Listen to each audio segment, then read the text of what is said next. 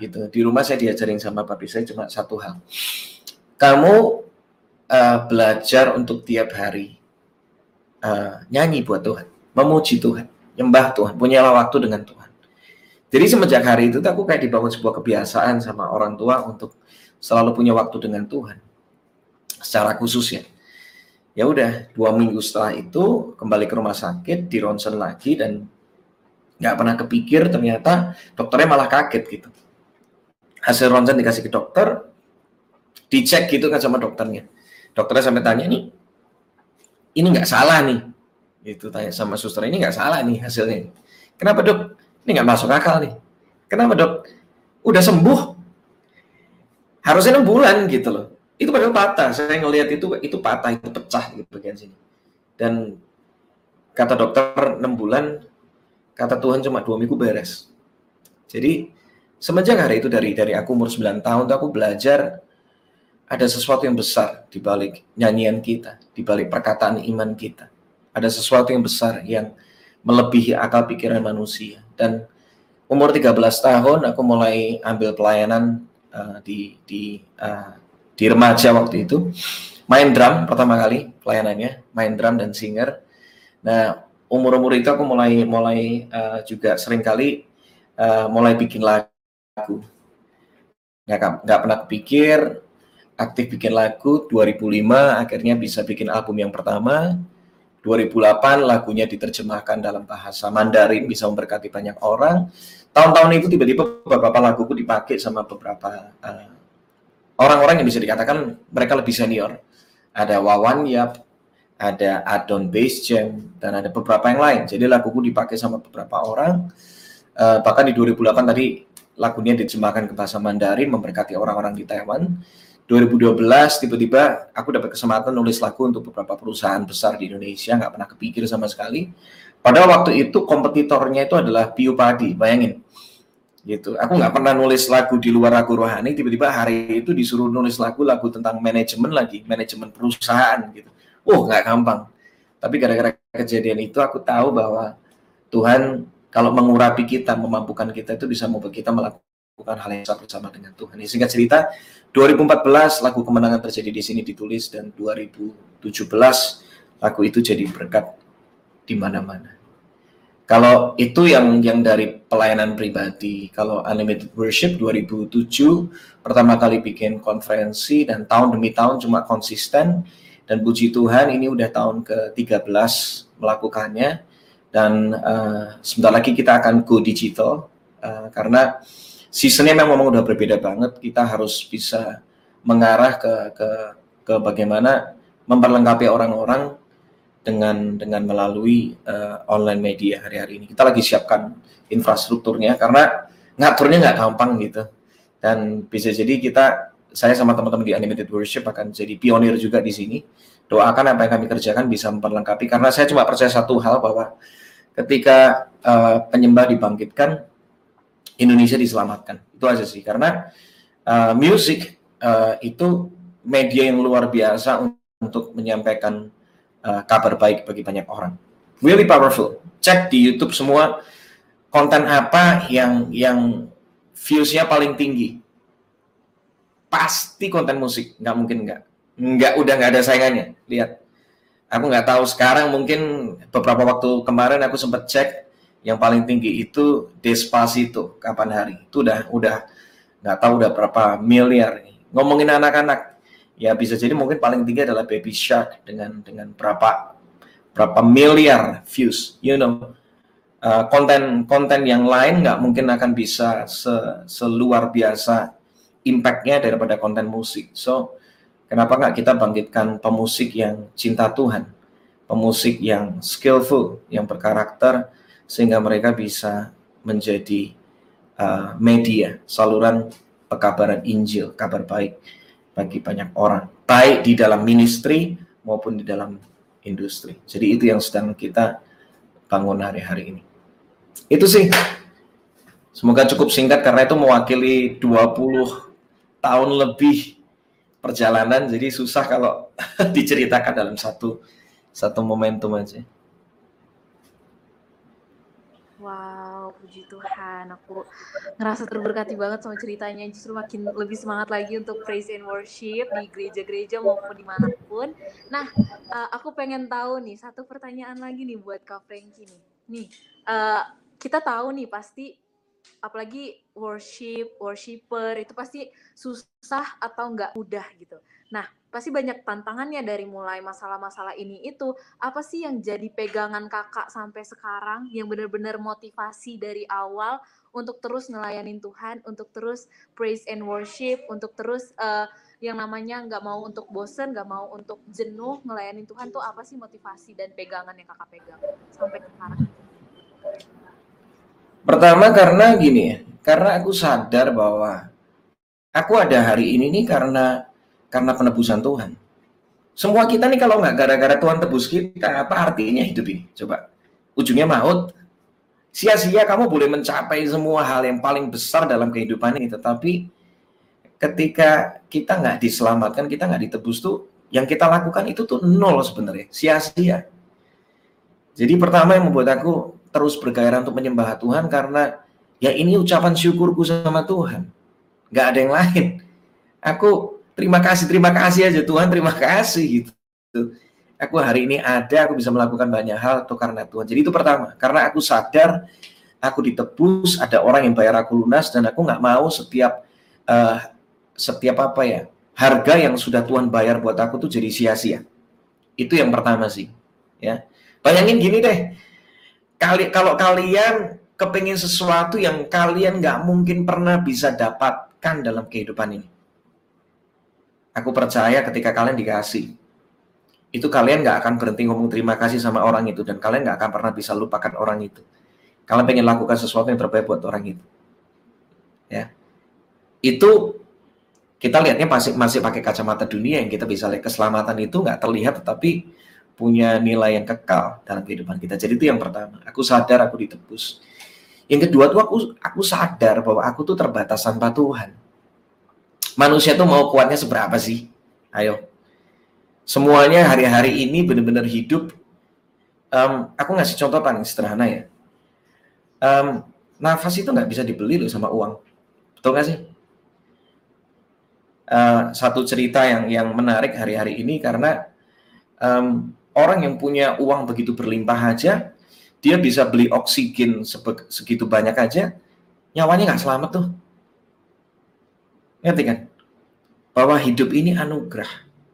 Kita itu nggak bisa tanpa Tuhan. Jadi jangan sok-sokan, sok tahu, sok sok hebat.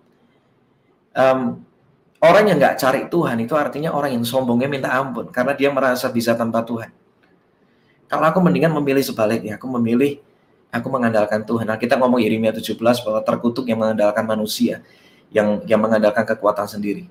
Karena kekuatan sendiri kita ini terbatas. Kita lagi nggak enak badan dikit aja udah nggak bisa mikir. Baru kena patah hati dikit aja udah ngomong mulai ngelantur ke mana-mana. Benar kan? Kita nih terbatas, kita butuh Tuhan. Jadi yang membuat aku apa keep coming back to the heart of worship. Salah satunya karena aku sadar bahwa aku nggak bisa tanpa Tuhan. Kita memang desainnya udah kayak gitu. Kalau teman-teman baca di dalam uh, kejadian 2 ayat 7 bahwa manusia itu bisa menjadi makhluk yang hidup itu karena dihembuskan nafas. Nah, ternyata nafas itu dalam bahasa aslinya disebut dengan kata ruah. Ruah itu ternyata artinya bukan oksigen. Ruah itu artinya adalah roh Allah. Artinya gini, bahwa manusia didesain dari awal itu memang nggak bisa hidup terpisah dari hadirat Tuhan. Itu desainnya manusia. Makanya nggak kaget orang-orang yang terpisah dari hadirat Tuhan. Pasti damai sejahteranya hilang, pengharapannya hilang, bisa mencapai segala sesuatu tetapi kok tetap ada yang kosong ya? Tetap aku pengen mencari sesuatu karena dia belum ketemu Tuhan aja. Itu ya jadi kedua kenapa aku uh, terus menyembah Tuhan? Karena aku sadar aku ini terbatas tanpa Tuhan. Yang terakhir kenapa aku mau terus menyembah Tuhan? Karena aku nggak tahan lihat orang-orang yang sebenarnya mereka bisa diberkati kalau aku benar-benar sungguh-sungguh sama Tuhan Aku rindu hidupku jadi berkat bagi orang-orang. Apalagi hari-hari ini ya. Kalau kita masih bisa santai-santai dan berkata, ah itu mah urusan mereka lah, yang kena COVID mereka lah. Tapi masalah ini urusannya nyawa, urusannya kekekalan loh. Urusannya, wah ini panjang nih urusannya gitu. Jadi kenapa kok akhirnya seminggu terakhir ini dan sebenarnya udah dipersiapkan dari bulan yang lalu, sekarang aku tiap pagi, every morning, jam 5 pagi loh, aku duduk di kursi yang sama ini, ambil gitarku, dan kerjasama dengan GoPlay untuk apa? untuk mendoakan orang-orang, untuk ngajak mereka bersyukur sama Tuhan, untuk ngajak mereka nyanyi. Kalau nggak mereka bisa apa? Uh, bukan aku membatasi Tuhan, tapi intinya kalau aku bisa jadi berkat, kenapa aku cuma diem doang? Dan itulah yang menjadi dasar kenapa sampai hari ini aku tetap mau antusias karena pengen melihat apa banyak orang juga diberkati melalui kehidupanku. Karena itu panggilan hidup kita. Not just love God, tapi harus love people. Ujung dari perintah aku mengasihi Tuhan adalah ujungnya adalah amanat aku. Jadi buat apa kita punya semua harta di dunia, semua popularitas yang dunia bisa tawarkan, tetapi kasih kita itu nggak pernah hadir bagi banyak orang. Buat apa? Memang kalau kita meninggal suatu kali uang kita akan ngomong terima kasih sama kita. Nggak bakal Memang kalau kita meninggal, kamu punya follower di Instagram, bakal ngomong apa sama kamu? Ya, follower ya bisa come and go. Tapi nanti ketika kerinduan saya, ketika suatu kali saya pulang ke rumah Tuhan, saya rindu ada banyak orang yang bisa ngomong terima kasih. Ketika kamu waktu itu ngajak aku menyembah Tuhan bersama-sama, aku dikuatkan, aku nggak jadi bunuh diri. Aku menemukan jawaban hidupku. Wow, it's amazing. Itulah upah yang kekal melebihi dari semua pencapaian manusia. Jadi tiga hal tiga hal itu yang yang membuat aku sadar. Mungkin kalau nambah hal keempat adalah karena aku lihat keluargaku. Kalau aku nggak beres sama Tuhan, istri anakku gimana? Mereka tuh ngeliatnya bapaknya gimana? Ya kan? Istriku bisa bisa jadi lebih baik. Aku percaya karena salah satu peran ini punya suami ini bener gitu di hadapan Tuhan. Aku tiap kali lihat mereka tuh aku nggak tahan dan aku ngomong kalau aku nggak bener. Mereka bisa ikut-ikutan nggak bener karena bapaknya nggak bener. Gitu. Jadi sadarilah bahwa kehadiran kita itu punya warna loh, punya garam. Kita bisa memberikan garam yang benar atau garam yang ngaco nih. Kita bisa memberikan warna yang benar atau warna yang ngaco sama sekeliling kita.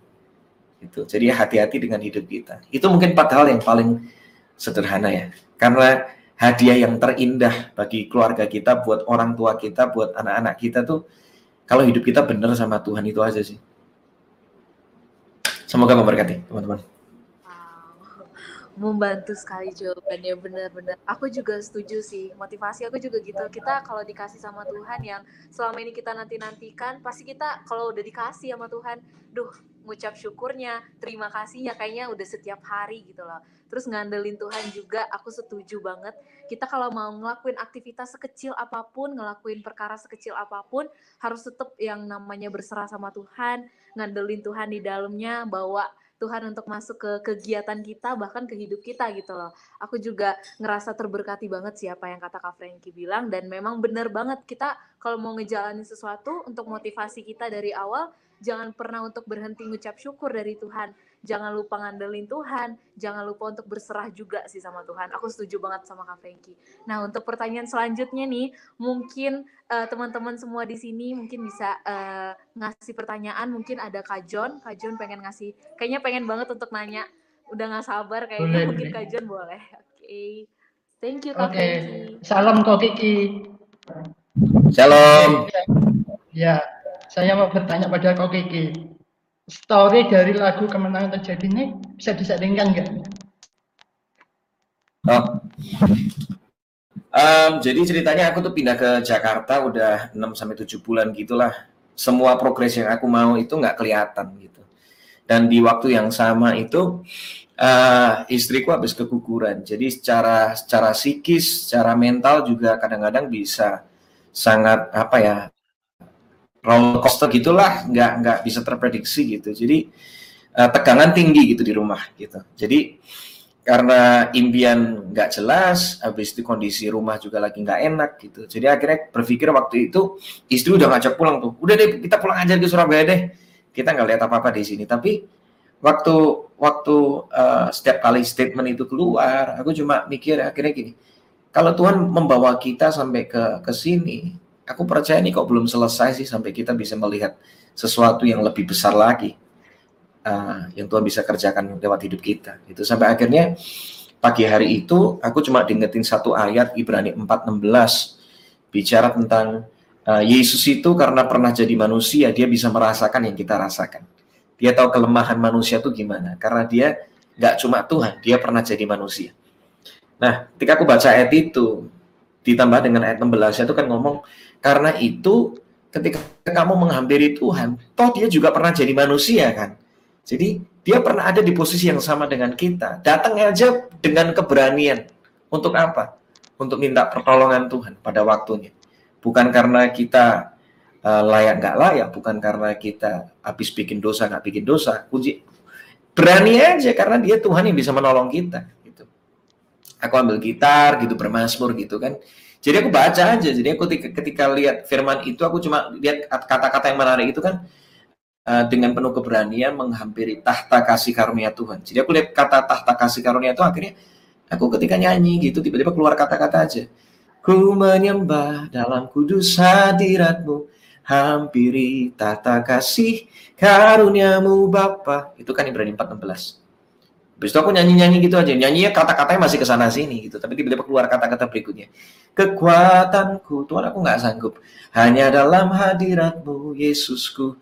Hanya kaulah segalanya. Dan singkat cerita setelah setelah bagian verse-nya udah beres gitu kan. Tiba-tiba itu kayak keluar perkataan iman gitu. Jadi lagi terus nyanyi, nyanyi, nyanyi. Tiba-tiba kayak Tuhan ingatkan kemenangan terjadi, kemenangan terjadi, kayak imanku bangkit gitu. Ya udah akhirnya nyanyi aja. Gue yakin kau hadir di sini Tuhan aku tahu aku nggak sendirian gitu. Dan akhirnya aku nyanyi nyanyi nyanyi sampai akhirnya keluar kata-kata kemenangan terjadi di sini. Itu Oktober 2014 di mana lagu itu uh, lagu itu tercipta. Yang luar biasa yang aku alami dari lagu itu adalah ketika aku bermasmur, ketika aku menghampiri Tuhan. Dari takut itu bisa jadi tenang. Dari putus asa, udah mau menyerah, udah mau pulang ke Surabaya waktu itu, Tiba-tiba imanku kembali bangkit. Aku nggak nyerah. Aku percaya Tuhan kasih kemenangan dalam hidupku. Nah singkat cerita lima bulan setelah itu baru punya kantor yang pertama dan singkat cerita dari situlah uh, jalanan iman satu demi satu mulai ada hasilnya, ada tuayannya yang nggak pernah difikirkan. Jadi aku percaya kalau kita tuh menghampiri Tuhan, ada perkataan iman yang kita katakan di hadapan Tuhan itu nggak pernah dipandang hina sama Tuhan. Ternyata Tuhan bisa menangkap dan Tuhan bisa menjadikannya dalam kehidupan kita. Karena itu bilangan 14 ayat 28 ngomong hal yang sama. Seperti yang kita katakan di hadapan Tuhan, itulah yang akan Tuhan lakukan dalam kehidupan kita. Bilangan 14 ayat 28. Jadi um, ya itu story-nya kemenangan terjadi di sini dan puji Tuhan di 2017 kan uh, aku nyanyikan lagu itu sama Kak Sydney dan nggak pernah kepikir lagu itu bisa jadi berkat di mana-mana. Tetapi 2014 sampai 2016 akhir tuh proses hidupku banyak banget, banyak banget. Jadi kalau lagu itu bisa jadi hidup karena aku menghidupinya, bukan cuma menyanyikannya. Banyak dari kita sering kali kalau cuma nyanyi doang, itu belum ada kuasanya. Tetapi kalau kita menghidupi yang kita nyanyikan, itu baru ada kuasa yang besar terjadi di sana.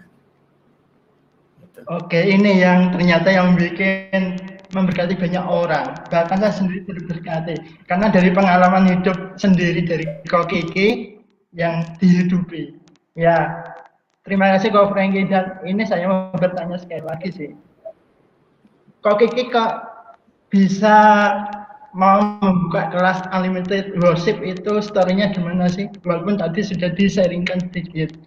Mungkin bisa diulang sekali lagi gitu apa pun yang aku bikin hari-hari ini terutama ya, uh, itu semua tuh lahirnya sebenarnya dari kegelisahan, dari kebutuhan. Jadi waktu itu tahun 2007 aku tuh uh, kan beberapa kali ikutan Hillsong Conference kan.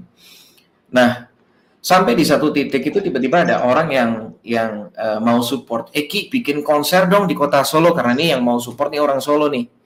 Terus aku ngomong, uh, gimana kalau kita bikinnya konferensi aja jangan konser karena konser udah banyak rasanya kita perlu bukain dapur kita deh gitu boleh nggak aku undang semua nama-nama yang hari-hari itu bisa dikatakan punya uh, pengaruh dalam dunia pujian penyembahan untuk mereka bercerita dari hidup mereka. Jadi jangan cuma orang tahu lagu mereka, tahu bagaimana mereka memimpin pujian atau bermain musik, tetapi the story, the knowledge uh, di balik itu apa gitu loh. Jadi uh, itulah awal permulaannya. Nah, itu 2007. Uh, 2007 dan kaget banget karena karena itu dibuat di kota Solo tetapi yang hadir itu uh, sekitar 800 orang dari berbagai macam daerah di Indonesia. Nah, aku ketika melihat ada sebuah antusias yang luar biasa, bikin lagi dong di 2009.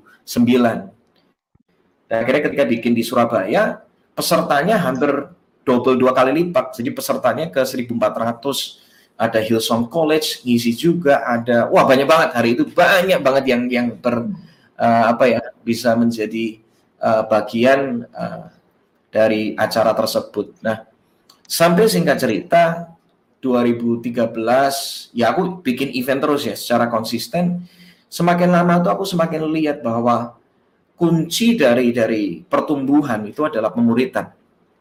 Gitu. Orang bisa maju dengan signifikan itu nggak butuh cuma datang ke sebuah event karena event itu uh, cuma bisa inspiring sama motivating gitu cuma bisa menginspirasi dan memotivasi, memotivasi kita. Tapi kadang-kadang kan setelah kita ikut seminar, kita butuh coach ya, kita butuh mentor. Nah, aku 2013 mulai mikirin, wah, um, ketika bikin event di Jakarta, apalagi banyak sekali teman-teman dari gereja-gereja yang bisa dikatakan gereja dengan jemaat yang besar itu minta di training. Aku kaget, nah kamu nggak ada yang training ya? Iya kak, kita nggak ada. Wah dari situ kayak mulai Tuhan bicara bahwa Hirayam send me gitu dengan pengalaman yang terbatas, Tuhan aku pengen perlengkapi orang-orang ini caranya gimana, nggak tahu juga. Nah dari itulah akhirnya 2014 pindah ke Jakarta dan ya pelan tapi pasti ya jadilah Unlimited Worship sampai hari ini dengan visi memang untuk memberikan para penyembah di penyembah yang benar dan bersinar. Dan aku cuma percaya satu hal, kalau memang itu visi dari Tuhan, itu pasti ada penyediaan dari Tuhan ya ada kemampuan, ada koneksi, ada pintu-pintu yang Tuhan bukakan dan segala sesuatu yang sehat itu pasti ya. bertumbuh. Unlimited Worship hari ini udah beberapa kali loh. Tahun lalu aku udah mau bubarin by the way. Tapi um, uh, momen di mana aku benar-benar nggak ngambil langkah apa-apa karena waktu itu nggak bisa lihat apa-apa. Tahun lalu mana kita bisa lihat sesuatu sih? Semuanya serba unpredictable, nggak tahu dan segala macam. Tahun ini even COVID-nya naik, tapi paling nggak kita udah punya sebuah pola yang baru. Kita udah udah ada di sebuah new normal kan. Tahun lalu kan nggak bisa lihat apa-apa, nggak tahu nih mau ke mana. Jadi aku bener-bener uh, cuma bisa diem dan nggak tahu mau ke mana. Tiba-tiba nggak lama setelah itu ada teman-teman yang Tuhan datangkan dan mereka malah lucunya mereka menawarkan diri. Ki, aku mau bantu unlimited worship. Ah, lu mau bantu gua, gua aja nggak tahu mau ke mana gitu. Tapi tiba-tiba ada beberapa orang yang datangkan dan membuat aku kembali berdoa, kembali cari uh, apa kembali menata lagi dan meraba-raba lagi dan pengen tahu ke mana mempersiapkan dan puji Tuhan akhirnya kita sekarang dapat fasilitas yang baru uh, di di Jakarta Barat dan akhirnya nanti uh, ya kita tunggu COVID mereda kita nanti akan membuat ada kelas online dan kelas offline yang akan kita buat gitu. dan teman-teman semua ini bisa join. Yes, mantap. Thank you, Pastor. Thank you, Kak Kiki. Ya, saya juga sih me, apa ya berpikir juga kadang kita bikin event-event atau conference tapi kadang kita lupa dengan yang namanya follow up gitu. Makanya saya percaya ketika orang saya diberkati lagi dan diperlengkapi yaitu ketika ada follow up dari event-event kita itu. Betul oh Frankie. Thank you. Terus ini saya ada suatu pertanyaan yang menggelitik saya sih maksudnya yang membuat saya berpikir terus. Nih, ketika saya melihat single-single dari Ko Frankie itu dijadiin satu, dibikin tema, bahkan dibikin album yaitu Closer. Bisa disaringkan story-nya? Kenapa? Jadi story album Closer itu sebenarnya balik lagi dari kegelisahan. Gitu. Kalau tadi kan Unlimited Worship lebih kegelisahan bahwa wah ini kalau orang-orang gereja, anak-anak gereja ini diperlengkapi Wah, itu jiwa-jiwa bakal banyak dimenangkan. Setuju nggak sih kalau kita ke gereja sesuatu yang kita cari itu karena penyembahannya? Betul nggak sih? Benar ya? Karena lagu-lagunya, karena musiknya yang memberkati. Nggak bisa dipungkirin kita nggak bisa lepas dari sana kan gitu. Itu selalu orang cari. Nah, aku memikirkan itu. Kegelisahan. Nah, album Closer juga sama. Aku melihat bahwa ketika aku pindah ke Jakarta itu kan banyak sekali pembentukan yang membuat akhirnya uh, aku aku harus benar-benar nempel sama Tuhan nih. Nggak cuma nggak cuma eksis hubungan sama Tuhan seminggu sekali atau gara-gara ada jadwal gitu kan aku sempat beberapa kali ini bikin joke gitu. Hari-hari ini ada beberapa jenis penyembah, ada empat jenis penyembah. Penyembah yang pertama ini namanya penyembah suruhan. Artinya apa sih? Penyembah yang cuma nyanyi atau mendekat sama Tuhan kalau ada yang suruh gitu. Itu yang pertama. Kalau disuruh doang lagi lagi lagi connect tuh sama Tuhan. Yang kedua adalah penyembah jadwalan. Karena di jadwal lagi mau mau mau connect sama Tuhan gitu, lagi mau nyanyi buat Tuhan, lagi mendekat sama Tuhan. Yang ketiga yang paling parah namanya penyembah amplopan gitu. Gara-gara dikasih amplop baru baru lagi nempel sama Tuhan gitu. Baru main musik lagi gitu.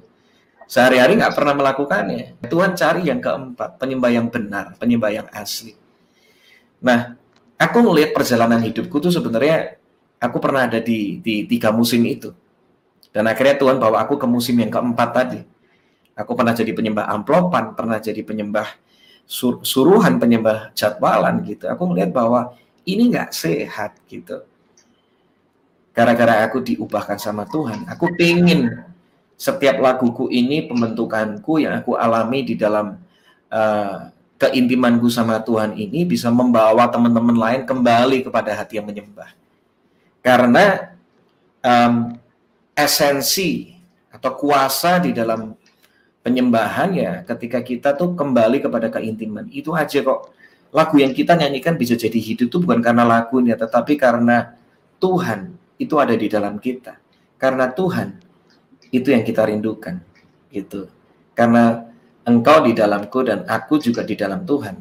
Nah, kita ngomong di Yohanes 15 kita bisa melakukan hal yang besar kita bisa berbuah ya. Jadi uh, album Closer itu benar-benar lahirnya dari proses keintiman sama Tuhan dan kegelisahan sebenarnya. Karena rindu melihat banyak teman-teman di mana pun ada berada ketika kamu hubunganmu sama Tuhan beres yang lain itu gampang sebenarnya. Serius yang lain itu gampang. Pokoknya kamu balik dulu sama sumbernya. Urusan yang lain itu gampang beneran. Ya itu aja sih. Iya karena saya juga berpikir sih teman-teman penyanyi itu kalau bikin album temanya itu cuma sekali. Ini saya perhatikan Koki Iki bikin album dari lagu-lagunya bolak-balik pasti tentang closer, makanya saya penasaran. Thank you Koki Iki. Nah, ini saya mau bertanya yang terakhir dari yang dari saya.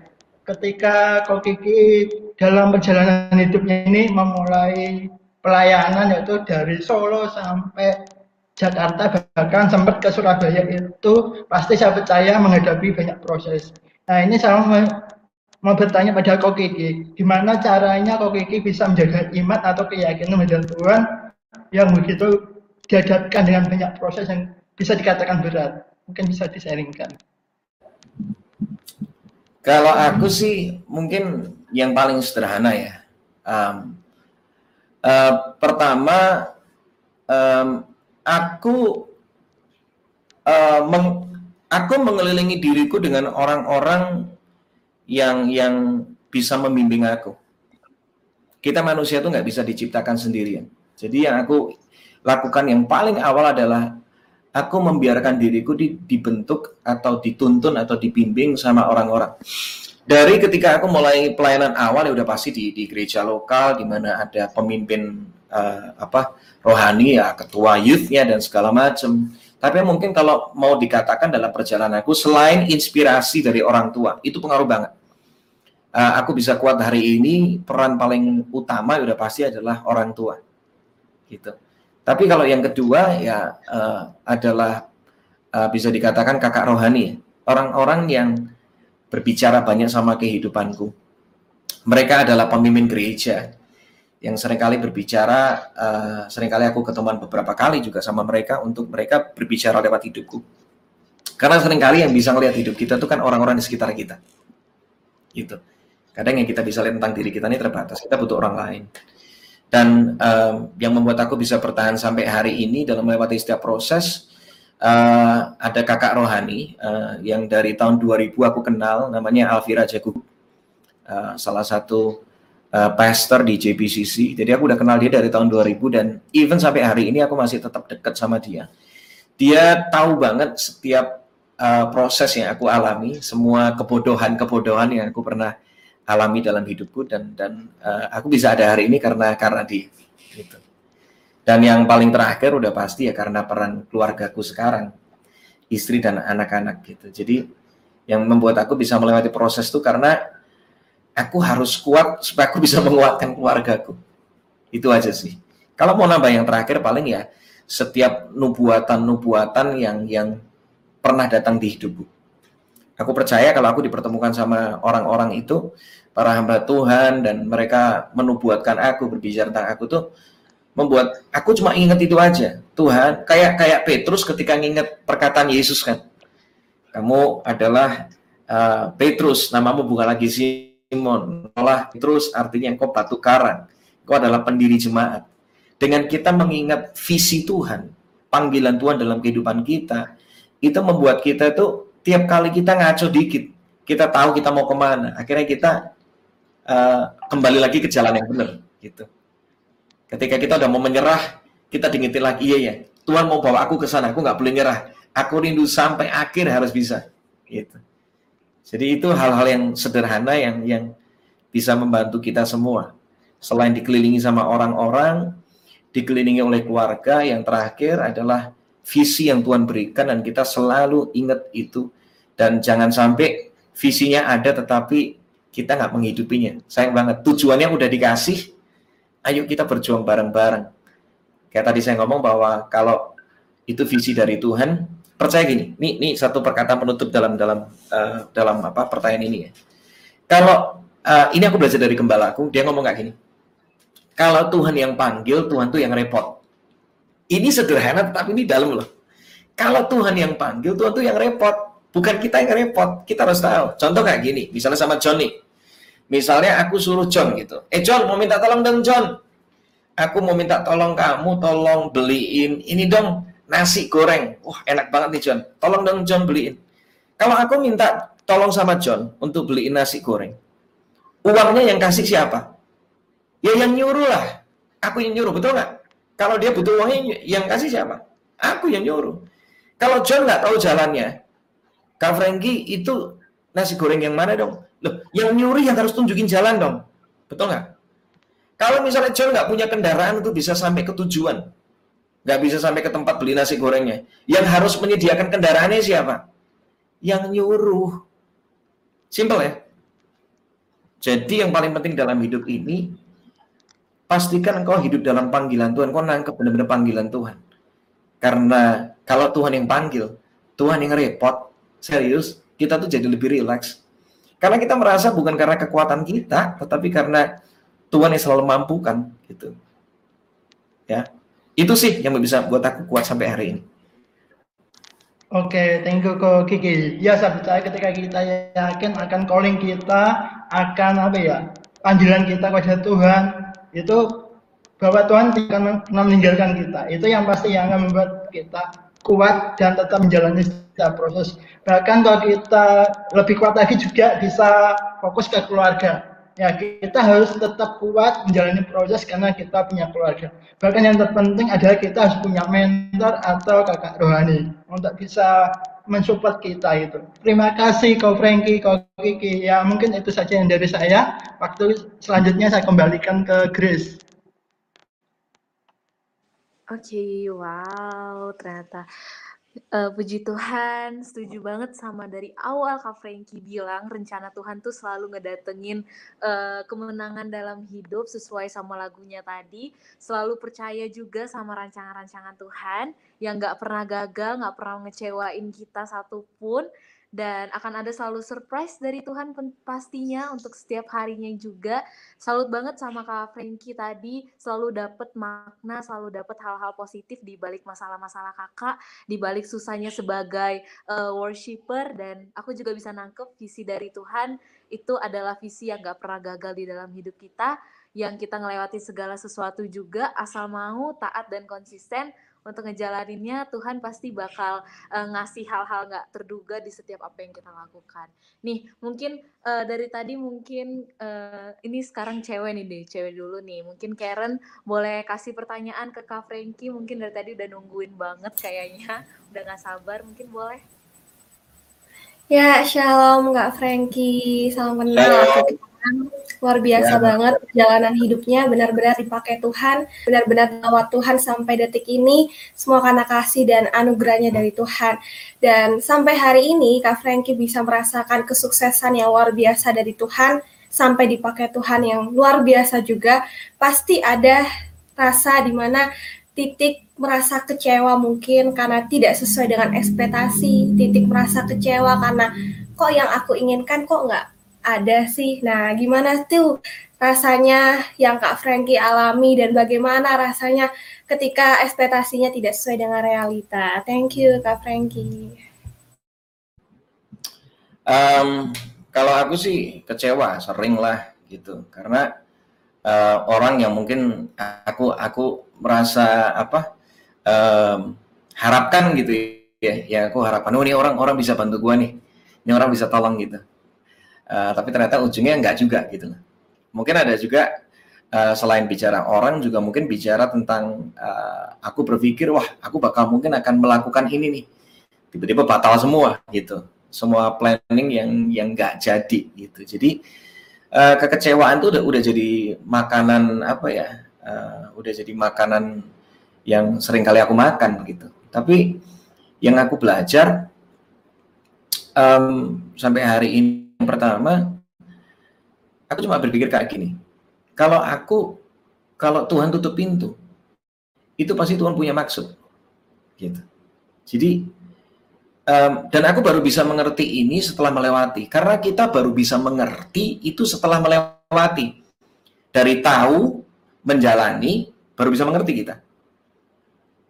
Tahulah kalau cara renang itu gimana. Ini kan tangannya digini. Iya, lu nyebur dulu, baru lu ngerti selama kita nggak pernah nyebur kita nggak pernah ngerti kan gitu jadi sama yang yang aku aku awalnya nggak ngerti gitu oh ternyata sampai di satu titik ketika kita tuh terus berjalan intinya pokoknya gini kekecewaan uh, justru menjadi tempat di mana uh, di mana kita akan melihat hal yang lebih besar lagi bisa Tuhan nyatakan. Kalau aku gitu. Jadi kalau aku bisa kecewa wah ini nggak sesuai ekspektasi ini. Aku nggak akan turunan turunin turunin uh, yang aku harapkan. Justru aku malah berharap sama Tuhan lebih lagi.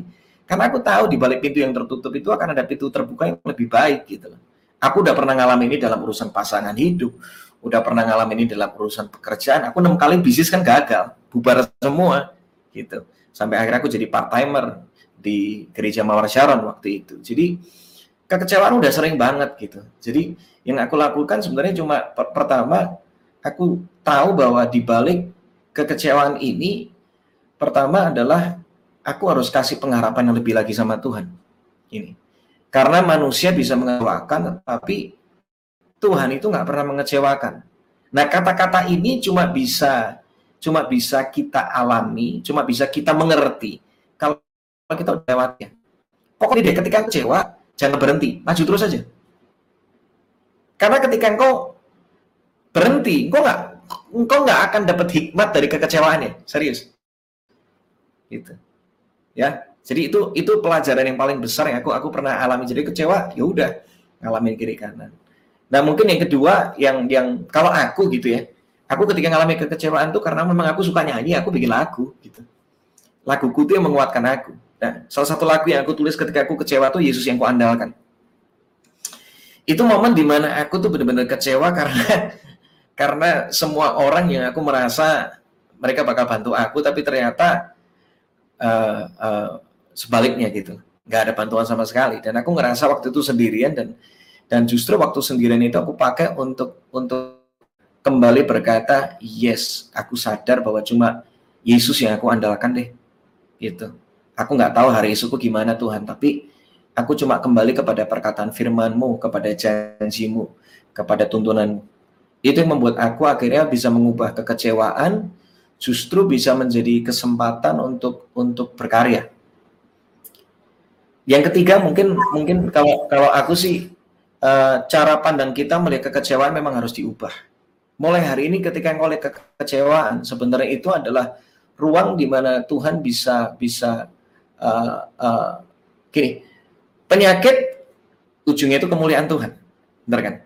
kita kita belajar dari kisah Lazarus. Kematian, ah, kita ngomong bukan gara-gara kematian ini kamu yang percaya akan melihat kemuliaan Tuhan. Jadi sebenarnya gini, apa pun yang terjadi di dalam kehidupan kita itu sebenarnya ujungnya itu baik. Karena apa? Karena kita menyembah Tuhan yang baik. Kalau hari ini kau dikecewakan, bisa jadi Tuhan lagi pisahkan kau sama orang itu karena ada orang lain yang Tuhan mau pertemukan. Ketika kau lihat kekecewaan lagi, bisa jadi itu tempat di mana engkau sedang dewas, didewasakan karaktermu juga bisa jadi. Bisa jadi ketika engkau kecewa, justru Tuhan lagi mau kasih lagu baru buat kamu atau sebuah pesan atau khidmat yang baru buat kamu. Jadi jangan lihat kekecewaan sebagai keburukan. Mulai hari ini lihat kekecewaan adalah sebuah batu loncatan. Ya, jadi kalau cara pandang kita diubahkan, kita di-upgrade, kita bisa melihat segala sesuatu dalam kehidupan ini tuh dengan indah. Gak selalu kita lihat musim kering adalah musim yang buruk. Bisa jadi musim kering adalah musim persiapan supaya tahun depan kita bisa menuai dengan lebih baik lagi. Bisa jadi musim kering sering kali jadi musim menabur. Yusuf ngalamin, Yusuf itu hidupnya banyak kecewa. Karena apa?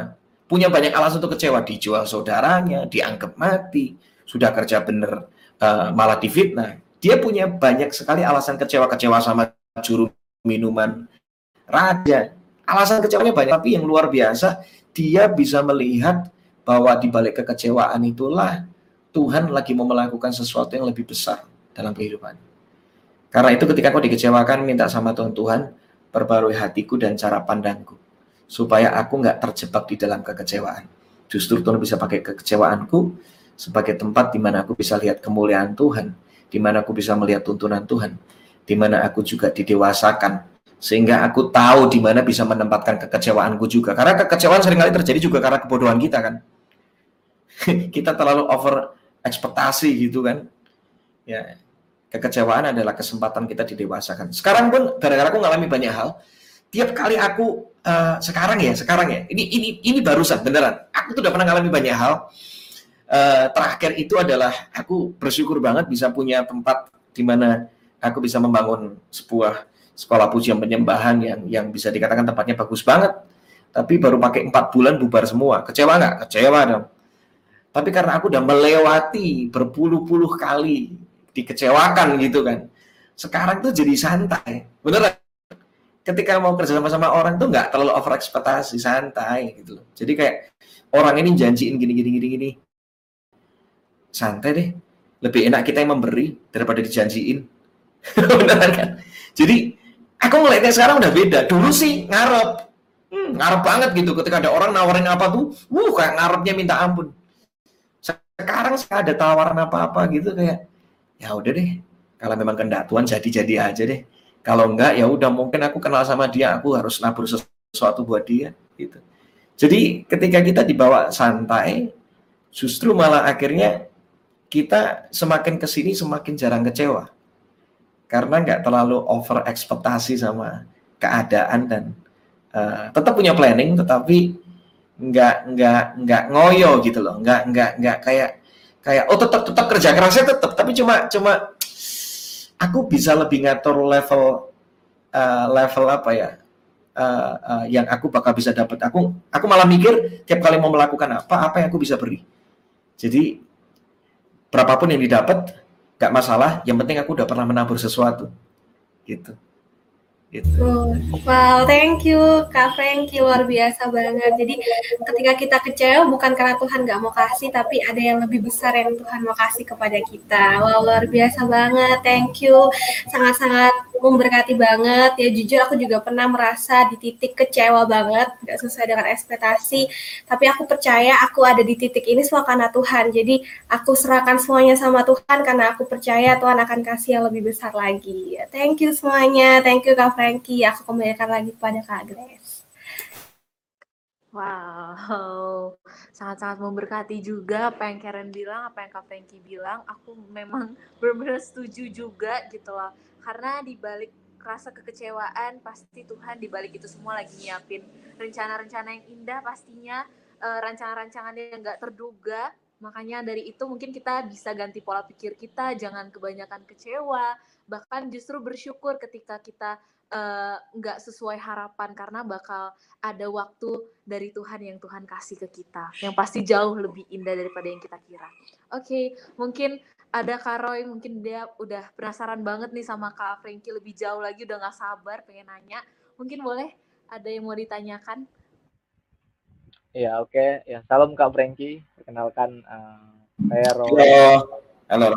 Dari Medan Halo, ya, kebetulan uh, Kak Frankie itu termasuk uh, salah satu penyanyi rohani favorit saya sih gitu. Karena kan saya dari STT. Ya kita sering lah mutar apalagi kalau pas lagi lagi galau atau mungkin lagi kecewa kan gitu, kita sering putar lagu yang kemenangan terjadi di sini ya. Kita tahu lah anak STT kan gitu. Ya, puji Tuhan uh, sekarang kita bisa bincang-bincang langsung itu semua kita percaya karena kebaikan Tuhan kan gitu bukan suatu kebetulan Makanya saya Amen. sebenarnya sangat bersyukur sih uh, pas Kak John kemarin kabari Kak Frankie bisa uh, kita undang di sini kan gitu. Kita bisa berbagi sharing tentang pujian penyembahan. Karena banyak kita anak-anak muda kan uh, tidak mau gitu untuk melakukan pujian penyembahan kepada Tuhan kan gitu. Tapi kalau kita di luar kita senang kan gitu, dengar-dengar musik yang lain kita senang. Tapi ketika kita dengar lagu rohani kayak kayak enggak semangat gitu kan. Tapi lagu-lagu Kak Frankie sih banyak sih yang memotivasi kita kita apalagi yang kita suka dengar itu. Itu sih yang paling favorit ya. Mungkin semua orang favorit lah dengan lagu kemenangan terjadi di sini kan gitu. Ketika kita lelah ketika kita terjatuh kita dengarin lagu itu kita beranggapan bahwa di balik uh, duka ini kan wajib ada sukacita kan yang mau Tuhan berikan dalam kehidupan kita. Nah ini saya mau tanya nih sama Kak Frankie menurut kakak itu sih uh, apa sih arti penyembah atau atau worshiper yang sesungguhnya itu? Menurut dari Kak Frankie karena Kak Frankie kan sudah bertahun-tahun tuh berkecimpung di dunia seperti itu mungkin Kak Frankie bisa berbagi dengan kita kita. Um, menyembah. Um, oke okay, pakai pakai um, kamusku aja ya dari dari perjalananku karena kalau kalau balik ke Alkitab aku bisa sharing uh, ada beberapa kata-kata yang dipakai tentang penyembah ada bicara apalagi kamu lulusan STT pasti tahu lah lebih tahu daripada aku pasti ada tentang proskuneo, ada latrio, ada kabat atau kabet dan segala macam everything about worship. Tapi kalau aku sesimpel ini, penyembahan itu adalah sebuah respon dari pengenalan kita akan Tuhan. Sesimpel itu sih. Responnya apa? Nyanyi. Kita uh, kita tadi sempat keputus ya? Sempat keputus ya? Enggak Aman? Oke, okay. balik ya. Penyembahan adalah sebuah respon dari pengenalan, pengalaman kita berjalan bersama dengan Tuhan. Timbal balik. Tuhan udah lakukan. Karena penyembahan itu selalu bicara tentang Tuhan lakukan apa buat kita, kita lakukan apa buat Tuhan. Itulah penyembahan. Apa pun yang kita lakukan sesuai hatinya Tuhan, itulah penyembahan. Roma 12 ngomong hal yang sama. Kalau kita baca Roma 12 itu kan dimulai dengan satu kata-kata. Karena Tuhan sudah terlalu baik buat kita. Kalau kalau dalam terjemahan baru dibaca cuma karena itu. Tapi sebenarnya kalau dalam terjemahan yang lain itu bagus banget dikasih kayak gini. Karena Tuhan itu sudah terlalu baik buat kita. Maka yuk kita mempersembahkan. Lihat, persembahan itu sebuah respon karena kita kenal. Makanya orang yang nggak kenal Tuhan nggak mungkin bisa menyembah Tuhan. Nggak bakal bisa. Kita nggak akan punya reaksi apa-apa ketika kita nggak mengenal. Roy, coba kayak gini.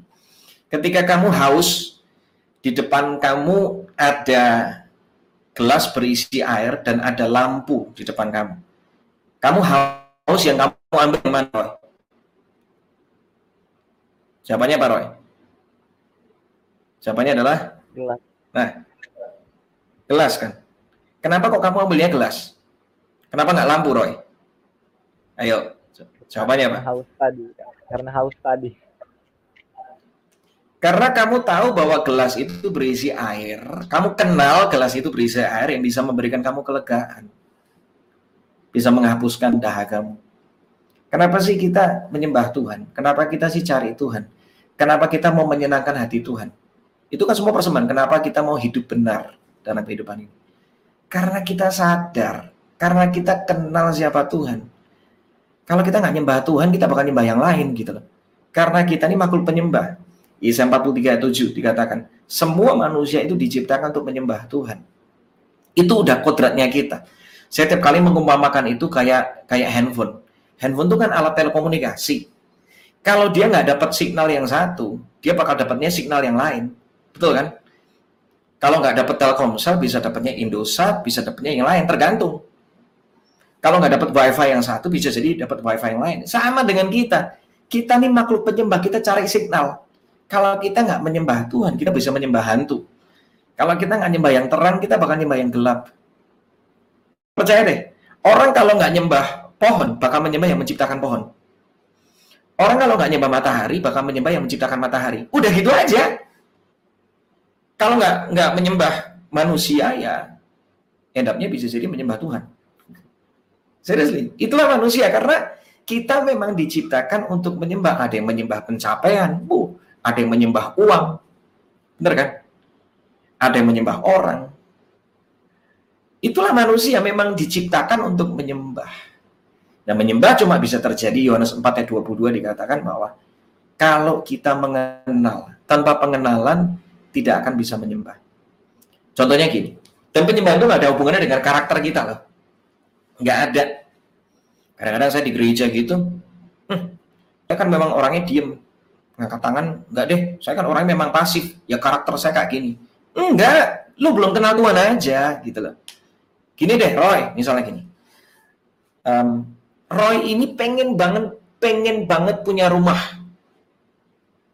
Tapi Roy sadar ketika ngitung pakai matematika manusianya, sampai berapa kali pun aku ngumpulin mungkin sekarang aku nggak bakal bisa punya rumah. Padahal aku pengen punya rumah di daerah ini, luas segini, desainnya kayak gini. Pengen banget punya kayak gitu. Eh tiba-tiba ada nih namanya namanya John Kurniawan datang ke rumahnya Roy. Ya kan? Habis itu tiba-tiba Roy, gua tahu impianmu. Kamu pengen punya rumah yang gini-gini ini nih. Lu kapan hari kan ngajak gua. Lihat lihat ininya gini-gini. Udah, gua mau kasih nih buat lu nih rumahnya. Ini kuncinya udah di tangan nih. Nih sertifikatnya nih. Kira-kira ketika kamu mendapatkan pemberian dari seseorang yang kamu nggak bakal bisa balas seumur hidupmu. Aku kok cukup yakin ya, sepasif-pasifnya kamu sediam-diamnya kamu, pasti ada ekspresinya. Nggak mungkin orang dikasih sesuatu yang dia nggak bisa bayar, tiba-tiba makin bilang, makasih ya. Nggak mungkin, percayalah. Nggak mungkin, nggak mungkin, bener nggak? Kira-kira ekspresi lo bakal gimana? Oh, John, aduh John, John. Kok bisa kasih? Ini ini nggak mi, aduh, gue nggak enak nih John, nangis gitu mungkin loncat-loncat saking senengnya, nggak sabar, eh langsung ke rumahnya yuk. Aduh, mungkin, aduh, ngerti kan? Karena kita mengenal, kita tahu berapa harga yang dibayar sama Tuhan buat kita. Kita sadar itu. Ketika kita nyanyi buat Tuhan, ketika kita mau melakukan, ketika kita mau berkeluarga, ketika kita melakukan banyak hal, rasanya nggak ada pilihan lain, cuma kita cuma berkata, I want to give my best untuk Tuhan. Karena kita sadar. Orang nggak kenal, makanya Indonesia itu bagus banget dari peribahasa dikatakan apa? Tak kenal maka tak sayang, betul ya? Ya kalau dalam konteks penyembahan ya, tidak mengenal maka tidak menyembah. Itu aja sih, gitu loh. Kalau lu nggak kenal, lu nggak bakal bisa nyembah titik gitu. Karena penyembahan selalu dimulai dengan pengenalan. Karena itu merupakan respon dari pengenalan kita. Kalau sampai sampai ketika ketika aduh kalau orang udah kenal Tuhan ya. Cuma gara-gara lihat lihat lihat ada rumput seger di depan di depan rumah aja udah kayak Tuhan kok tuh luar biasa. Ini lucu banget ini. Inilah pengalaman saya. Maka semua semua hal yang saya lihat itu jujur aja bisa jadi lagu. Karena apa? I'm amazed. Aku tuh terpesona, aku tuh kagum banget sama Tuhan. Lagi lagi lagi lihat kebaktian penghiburan Pendeta Yakub Nahuai kapan hari tanggal 3 Februari. Aku tuh ketika nonton itu kayak Tuhan bicara sesuatu dan langsung ambil gitar gitu nyanyi jadi lagu. Karena apa? Aku amazed Tuhan hikmatmu tuh luar biasa. Aku nggak tahan gitu. Aku pengen nyanyi buat Tuhan. Aku pengen menyenangkan Tuhan lewat kehidupanku. Ketika aku ngaco, aku pengen sebalik sama Tuhan. Gitu Jadi penyembahan again itu respon, itu sebuah tindakan balik dari pengenalan kita sama Tuhan.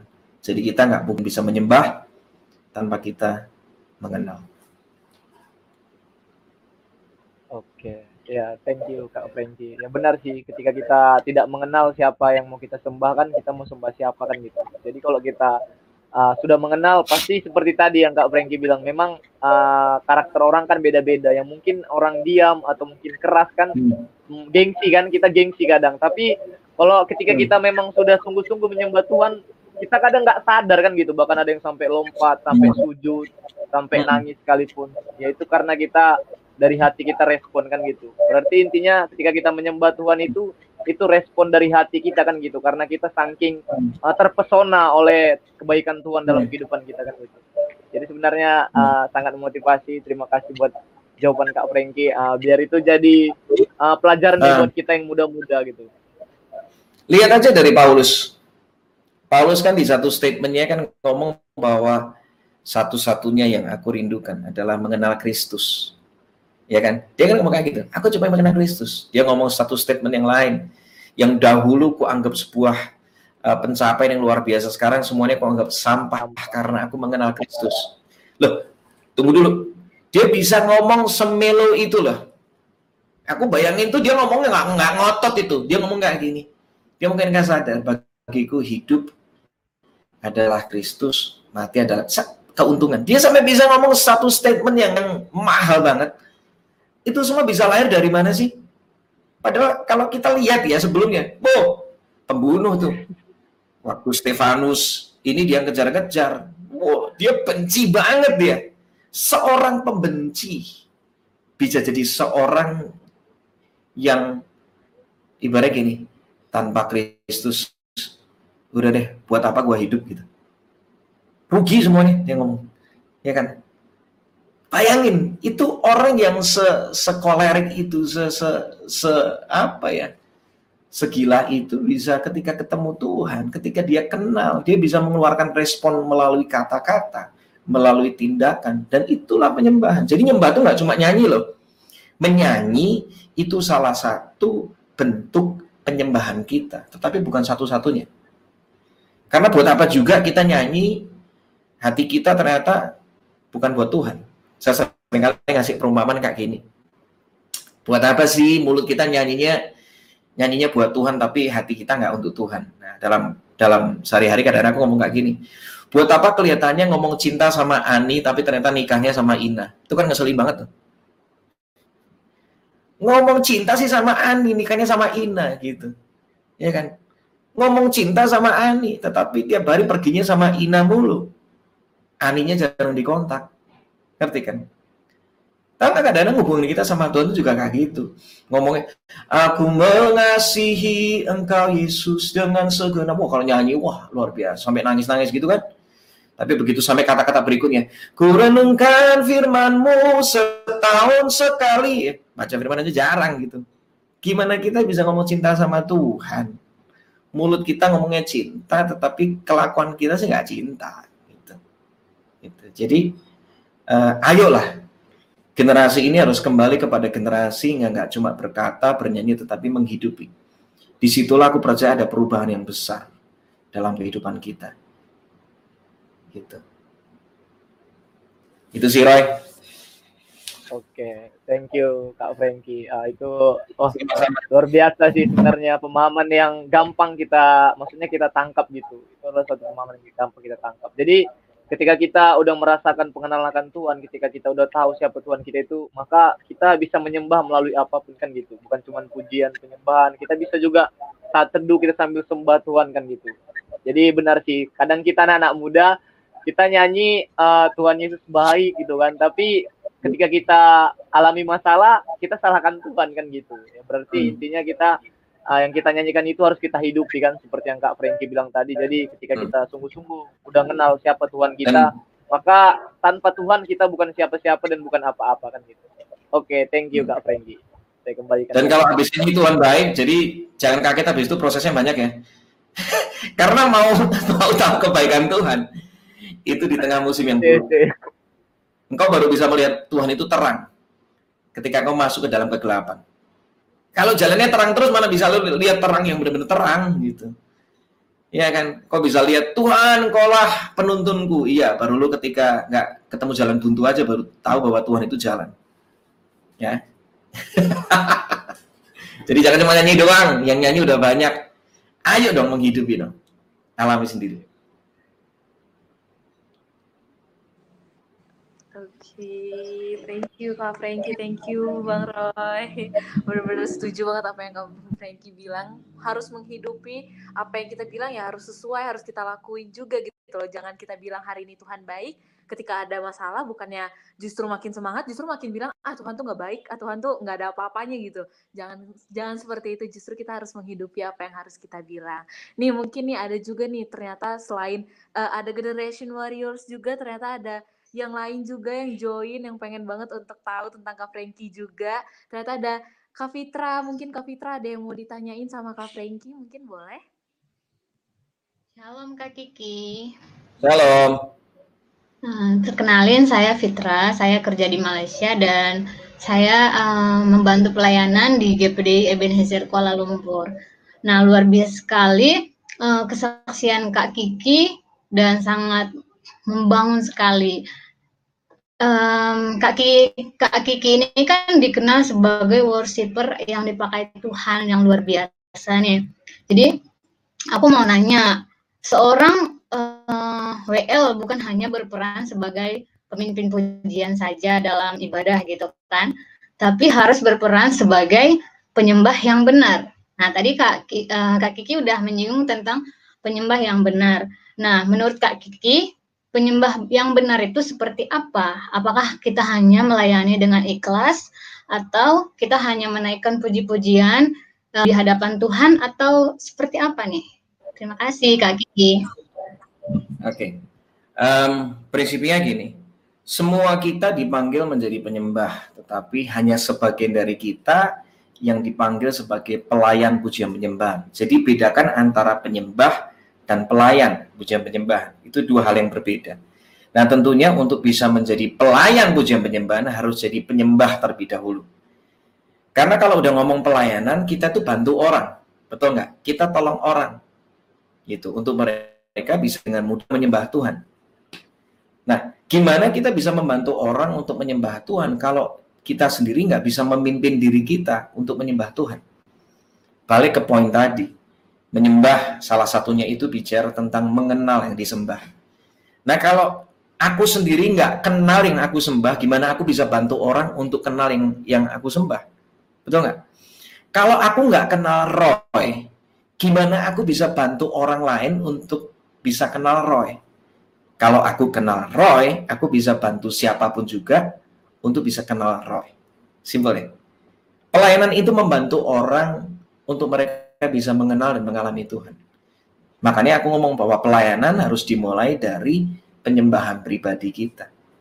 Karena apa yang terjadi di atas panggung itu sebenarnya merupakan manifestasi dari apa yang kita hidupi setiap hari. Selalu aku aku ngambil ngambil ilustrasi yang gampang itu kayak atlet olah, olahraga lah gitu. Aku mau tanya, atlet olahraga itu latihan kalau pas pertandingan atau uh, setiap hari dia latihan? Jawabannya apa? Setiap hari. Nggak ada pertandingan, dia latihan apa enggak? Nggak ada jadwal pertandingan nih. Dia latihan apa enggak? Latihan. Nggak ada yang nonton, dia latihan apa enggak? Latihan. Itu baru namanya atlet. Lari misalnya kayak gitu pertandingan misalnya lari. Gitu. Ya sama dengan kita. Ada nggak ada jadwal pelayanan, maka kita ya hidupnya penyembah gitu. Kalau ada pertandingan ya itu bagian dari di mana kita bisa memanifestasikan apa yang kita hidupi setiap hari dan itu pasti beda. Kamu tuh melakukan seminggu sekali sama setiap hari, hasilnya tuh beda. Ayo, sekarang yang yang gini, misalnya nih hal yang paling gampang ya, um, um, kita misalnya ini, ini ilustrasi paling gampang deh.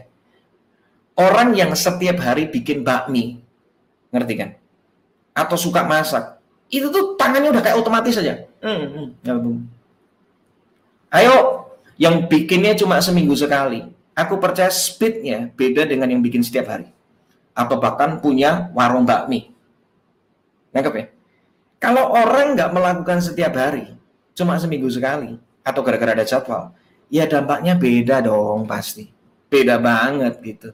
Yang menghidupi setiap hari dampaknya pasti jauh lebih luar biasa.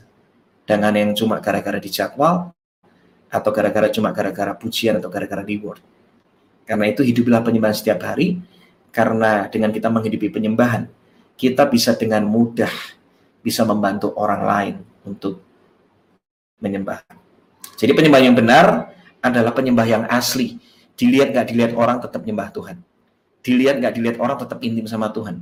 Dilihat nggak dilihat orang tetap kita hidupnya bermasmur bagi Tuhan. Taat sama Tuhan, menyerahkan hati Tuhan. Itulah penyembah yang asli. Itu yang Tuhan cari. Terima kasih Kak Kiki, luar biasa sekali. Ya benar sih, kita harus lebih dulu mengenal Tuhan, baru kita boleh membawa orang lain untuk mengenal Tuhan. Dan kita harus menghidupin uh, penyembah uh, penyembahan itu setiap hari dalam kehidupan kita, baik itu tidak dilihat orang ataupun dilihat orang. Terima kasih. Dan ada sih satu lagi. Nah ini, uh, menurut Kak Kiki, bagaimana sih caranya seorang worship leader uh, memimpin pujian? Uh, selain mempersiapkan diri, itu harus mempersiapkan lagu. Nah, bagaimana sih pemilihan lagu yang benar itu supaya uh, ibadah itu berjalan dengan baik dan mendatangkan sukacita bagi setiap orang? Terima hmm. kasih. Hmm. Ini materi kelas 4 sesi loh ini. It should be four session. Itu pun juga nggak cukup. Tapi gini deh, simpelnya gini memilih uh, daftar lagu ya. Pertama uh, cari dulu uh, tema yang sedang disampaikan sama pengembalaan karena tugas seorang pemimpin pujian adalah uh, communicator. Dia itu mengkomunikasikan pesan pengembalaan menjadi sebuah daftar lagu. Karena itu kita perlu tahu dulu gembala kita lagi banyak bicara tentang apa. Kita ini membantu melalui sesi penyembahan bisa menyampaikan juga apa yang ingin disampaikan sama gembala. Bentuknya tapi lagu, bukan khotbah. Ya dengan kata lain sebenarnya pemimpin pujian itu sedang berkhotbah melalui lagu sebenarnya. Menyampaikan pesan melalui daftar lagu. Jadi pertama, tangkap dulu, uh, cari dulu pesan penggembalaan apa. Gitu. Kak, gembala saya jangan cara ngomong, nggak tahu pesannya apa. Ya udah deh, beberapa minggu terakhir ini lagi banyak bicara tentang apa sih? Kira-kira firman apa yang kira-kira kuat berbicara sama hidupmu? Kak, aku udah jarang datang ke gereja, tapi aku disuruh mimpin. Ya oke, okay. yang ketiga. ini kan alasan tuh bisa banyak banget. Ya udah yang terakhir gini, hari-hari ini yang sedang kamu alamin apa di dalam hidupmu? Itu. Kamu lagi dapat pesan tentang apa yang begitu kuat lagi berbicara dalam kehidupanmu. Uh, ya udah, sampaikanlah itu, nyanyikanlah itu. Jadi misalnya, oh minggu-minggu ini gembala lagi nyampein tentang pengharapan lagi nyampein tentang kesembuhan. Ya udah, sampaikanlah itu. Jadi pertama, tangkap pesan pengembalaan atau pesan yang kamu lagi alami dalam keseharian. Yang kedua, kita kan sekarang punya aplikasi ya. Kalau zaman dulu ada namanya konkordansi. Wah, ini anak STT pasti tahu nih istilahnya konkordansi. Tapi kalau sekarang kita dengan Bible Apps, ada YouVersion Bible ataupun aplikasi Alkitab yang ada di handphone kita itu memudahkan kita untuk bisa cari satu kata itu ayatnya ada di mana sih? Benar gak sih? Misalnya kamu ketik kata kesembuhan atau sembuh, pasti akan keluar puluhan ayat ada di sana. Betul kan? Ya, jadi yang kedua, carilah ayat firman Tuhan yang connect, uh, uh, carilah ayat firman Tuhan sesuai dengan tema yang sedang mau dibahas. Gitu. Jadi cari aja misalnya kata kesembuhan, pengharapan, kasih atau apa, ya itu cari aja. Nah dari firman-firman yang kamu dapat itu, yang udah keluar, uh, itu kamu lihat firman mana yang cari 5 sampai 6 ayat, firman apa yang berbicara kuat sama kamu. Contoh, Misalnya ya, uh, temanya tentang ketenangan. Nah, aku ketika cari ayat, itu dapat tentang hanya dekat Allah saja aku tenang, Mazmur 62. Daripada nyalah keselamatanku. Iya kan, ada di Mazmur 62. Nah, langkah berikutnya adalah ketika udah dapat ayatnya 5-6 ayat, dari ayat itu kita cari lirik lagu yang mengandung kata-kata tersebut.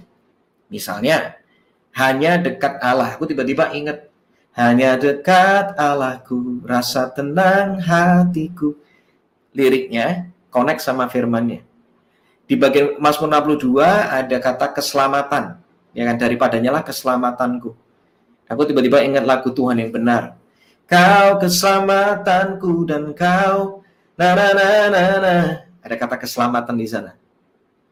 Keselamatan bagi Allah yang duduk bisa Nah, itu ketika dapat dari firman, dapat lirik yang connect, habis itu jadiin pilih deh kira-kira lima lagu cepat, lima lagu pelan sebagai perbendaraan atau song bank. Nah, song bank udah dapet tuh. Jadi belum dari daftar lagu dulu. Dari song bank baru kita tajamkan dengan jadi song list. Nah, cara menajamkannya gimana? Aku biasa pakai metodenya pakai tempo. Aku urutan temponya aja. Gitu. Nah, sebenarnya kalau di kelas aku tuh biasanya udah dikasih tuh tempo template-nya gimana sih? Oh bisa, misalnya lagu pertama 20 menit paling bisa nyanyi 4 lagu. Oke, bisa mulai dengan lagu pelan, kedua lagu medium, uh, ke ketiga lagu lagu cepat, keempat lagu pelan lagi karena mau ke firman. Jadi harus ada tempo template atau tempo konsep karena tempo itu uh, um, uh, untuk membantu mengatur dinamika, ngatur cerita. Lagu kalau dipelanin, lagunya jadi lebih uh, lagu pelan. Kalau dipelaninnya jadi lebih intim, jadi lebih deep. Contoh lagu lagu ini. Hadiratmu Tuhan itu kalau dinyanyikan dengan tempo 60 itu jadi deep banget, jadi intim. Nyanyinya nggak mungkin bisa teriak-teriak gitu. Nyanyinya paling cuma bisa hadiratmu Tuhan. Nah gitu doang. Ku rasakan intim. Tapi begitu naik ke tempo 70, lagunya dari intim jadi apa? Jadi kayak lagu deklarasi, jadi kayak lagu yang lebih energik, lagunya jadi kayak lebih bersyukur, kayak adoration, pengagungan. Hadiratmu Tuhan, jadi lebih gagah lagunya, lebih energik. Lihat, tempo tuh penting banget. Karena itu kalau aku ketika menyusun lagu, aku perhatikan tempo. Oh lagu ini kira-kira lagu pertama ini temponya segini, ini udah enak nih. Nanti lagu kedua harus naikin dikit. Lagu ketiga nanti mungkin aku akan bikin down. Nah, Rute tempo itu belajar dari orang-orang lain aja. Sampai kita ngerti gimana masak tempo itu. Kalau kamu belum bisa bikin masakan yang enak, beli buku resep, masaklah resep. Betul nggak? Orang lain udah bikin resepnya, pakai aja resepnya. Tapi sampai di satu waktu tertentu, kamu pengen bikin masakan nasi goreng ala Fitra. Wah, keren banget kan. Nah, ketika kamu udah sampai di situ, kamu akan punya jalan sendiri, rute sendiri yang kamu ngerti. Kamu tahu takaran garamnya seberapa, kamu tahu takaran uh, saus tomatnya seberapa, nasinya yang sepulen apa kamu tahu. Itu semua dari pengalaman setelah kamu puluhan kali masak, kamu baru bisa menemukan nasi goreng ala Fitra. Aku percaya ketika pertama kali mau masak, kamu kan bingung yang dimasak mana duluan ya? Bumbunya mana duluan ya? Nah daripada ribet, beli buku resep orang lain. Pakailah. Yang saya lakukan ketika saya ngerti tentang tempo, aku tuh ngamatin begitu banyak pemimpin pujian. Aku ngamatin Kak Sidney, aku ngamatin Pak Williar, aku ngamatin, aku ngamatin banyak orang. Kalau sekarang yang ada namanya Hillsong, ada ada namanya Battle Music. Kalau mereka, oh mereka tuh natanya gini toh ketika lagu pertama tuh bisa temponya segini, naikin gini, ini gini. Oke, nanti aku kalau memimpin pujian aku akan pakai rute yang sama. Gitu. Jadi yang terakhir dari daftar uh, dari song bank dari perbendara lagu jadi song list itu dengan memakai konsep tempo. Nah, aku sampai situ aja deh. Karena kalau ini diteruskan bisa panjang, empat sesi kan.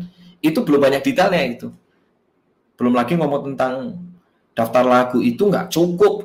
Cuma daftar lagu doang, harus ada nada dasarnya, harus ada link YouTube-nya, harus ada dinamikanya, bahkan lagunya baru dikatakan daftar lagu itu daftar lagu yang mudah dimengerti. Planningnya matang dan bisa dimengerti sama pemusik terutama. Karena pemusik nggak bakal ngerti gini. Eh, mainin dong lagu ini yang enak. Yang enak itu gimana? Pemusik mah ngertinya temponya berapa, chordnya ke mana, instrumentasinya gimana, melodinya mau seperti apa. WL kadang-kadang cuma bisa ngomong enak gak enak. Pemusik bingung. Bikin dong yang keren. Keren itu gimana? Bahasa bahasa musiknya apa? Gitu. Makanya aku ngomong bahwa kalau mau belajar tentang worship leading, gak cukup satu sesi. Karena harus belajar bahasa musik. Harus belajar tentang tentang mendengarkan referensi dan yang kamu rasakan apa sih? Gitu. Nanti ya tunggu buka kelasnya lagi. Kalau buka kelasnya wajib ikutan nih teman-teman yang terutama belajar tentang worship leading.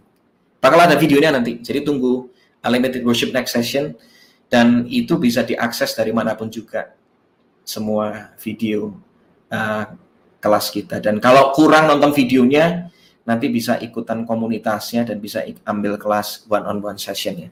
Ya, bakal ada. Jadi teman-teman yang mau belajar everything about praise and worship and production itu bakal ada nanti di uh, website dan aplikasinya Animated Worship. Lagi dalam proses, ya. Oke, okay, terima kasih Kak Kiki, membantu banget ya. Jadi setiap WL itu kita apa sih kadang kebingungan gitu kan cari lagunya itu seperti apa sih kadang lagunya nggak nyambung gitu tapi ya lewat ya, apa yang aku dengar kali ini ya membantu banget untuk aku nah boleh bertanya lagi nggak satu lagi boleh, boleh. Boleh ya. Silakan. Nah, nah jujur nih kak, kalau ketika jadi WL tuh pasti selalu ada rasa gugup atau grogi gitu kan. Nah, nggak percaya hmm. diri dan akhirnya pikiran hmm. kita kadang-kadang jadi blank gitu kan. Akhirnya kita lupa lirik lah ataupun lupa eh, intro dan mau masuk lagunya gitu. Jadi kalau itu terjadi sama kita gimana sih caranya kita itu mengatasinya gitu? Oke, pertama uh, gugup ya. Gugup itu bisa terjadi karena beberapa hal sebenarnya. Pertama memang karena kamu menghadapi sebuah situasi yang baru. Karena belum terbiasa. Gitu. Ya kan? Ya kamu pelayanan pertama kali sama setelah 20 kali pelayanan pasti rasa gugupnya beda. Level PD-nya udah lebih naik tuh pasti. Kamu udah lebih tahu situasi kan. Bener kan? Jadi Uh, pertama, wajar kok gugup itu. Bisa jadi itu memang medan yang baru.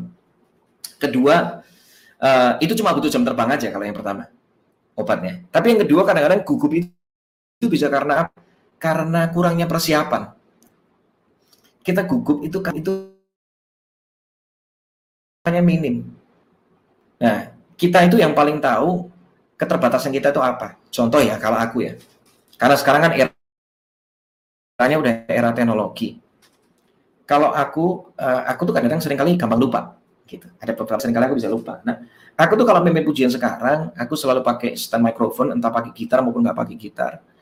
Uh, nah, di stand microphone itu aku, aku untuk apa? Kalau lupa lirik apa-apa aku bisa lihat di sana. Nah, dengan adanya persiapan tenang, aku nyanyi nggak gugup, nggak nggak nggak hilang-hilang lirik, karena itu membantu. Nah, yang paling penting adalah mencegah lebih baik daripada mengobati kan. Jadi aku mencegah itu dengan apa? Aku supaya nggak gugup gitu kan. Uh, ketika terjadi kecelakaan misalnya lupa gitu, udah ada contekannya. Jadi aku tetap bisa lebih rileks gitu. Uh, yang ketiga, kita tuh bisa jadi gugup karena bisa jadi ada sesuatu yang nggak beres di hidup kita ya bisa jadi ada kesalahan ada ada dosa ada ada hubungan yang nggak beres sama sama uh, pemimpin atau sesama pelayan Nah, kalau itu bereskan sebelum pelayanan karena itu bisa membuat kelegaan buat kita. Kita gugup karena kita bisa jadi terintimidasi. Mau melayani bisa jadi karena ah lu mah hidup lu masih nggak bener. Ah lu mah belum bisa ngampunin ini. Makanya aku ngomong pakai momentum pelayanan adalah momentum untuk pemberesan juga. Gitu. Jadi uh, saran aku sih ya masalahnya cuma tiga sih masalah gugup gitu. Kalau misalnya uh, karena karena kita belum menguasai ya udah jam terbang aja, cari solusi aja. Kamu lihat apa yang berhasil pertahankan, um, yang nggak berhasil kita menjadi gugup tuh bisa jadi karena kita merasa bahwa pelayanan gua hari ini kok kayak gini. Nah, coba introspeksi apa yang kurang, apa yang sudah bagus. Tanya sama teman-teman, evaluasi. Oh, kalau udah bagus, pakai lagi cara yang sama aku tuh ketika ketika pelayanan ke mana-mana sebenarnya ada beberapa adlib-adlib atau greeting yang aku ulang-ulang. Ya mungkin nggak tahu aja karena kan hari ini pelayanan di tempat A, besok pelayanan di tempat B, orang nggak pernah tahu kan jemaat A sama jemaat B nggak pernah ketemu mungkin. Tapi sebenarnya aku pakai greeting yang sama. Yang sudah berhasil aku ulang-ulang. Gitu. Itu juga termasuk daftar lagu sebenarnya. Aku tuh kadang-kadang suka ngulang daftar lagu, nggak selalu semuanya baru.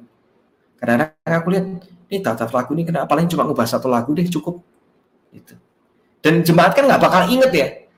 Aku inget tiga bulan yang lalu kamu rasanya nyanyikan lagu dengan dengan polsa nggak mungkin inget percayalah. Jadi kalau saran aku memang memang kadang-kadang kalau kita udah pernah membawakan itu dan kita ulang lagi juga nggak masalah sebenarnya. Itu kita jadi nggak gugup karena apa karena kita sudah pernah melakukannya berhasil dan kita bisa ulang dengan lebih baik lagi jadi sebenarnya ada beberapa hal. Kamu harus tahu dulu alasan akarnya kenapa kamu gugup itu karena apa. Gitu. Jadi tadi aku udah ngomong alasannya. Karena kurangnya jam terbangkah, karena ada yang nggak beres kah di hidupmu, atau gara-gara kurang persiapan. Nah ini kan harus tahu dulu yang mana. Atau yang terakhir, mungkin karena terlalu kreativitas, bener loh, aku pernah terlalu banyak kreativitas akhirnya lupa semua. Wah, aku lupa ini gimana gara-gara kebanyakan aneh-aneh aja nyoba-nyoba macam-macam sampai akhirnya lupa sendiri akhirnya juga gugup juga gitu. Aneh-aneh kan bikin intro macam-macam lupa sendiri nanti. Nah gara-gara kejadian kayak gitu tuh aku nggak mau yang aneh-aneh. Udah deh boleh nggak ya bagian ini disimplify dulu aja? Jadi dengan kita punya jam terbang punya kegagalan dan keberhasilan kita tuh uh, kita review dan kita lihat yang sudah bagus ditingkatkan gitu aja yang kurang ya jangan yang kurang kalau misalnya bisa di-upgrade ya boleh tapi kalau misalnya enggak ya ya nggak usah perlu diulang lagi gitu. Aku ada beberapa lagu yang aku sampai hari ini aku aku tiap kali nyanyi lagu ini kok kayaknya kurang kena, jadi aku nggak bakal nyanyiin lagi. gitu sih. Jadi ya memang pelayanan itu jadi gini, pelayanan itu sebuah perjalanan yang nggak pernah ada habisnya. Ya. Jadi jangan lihat pelayanan itu sebagai gua berhasil hari ini, wah bagus banget. Ke depan pasti aman, belum tentu. Aku pernah ngalamin kok.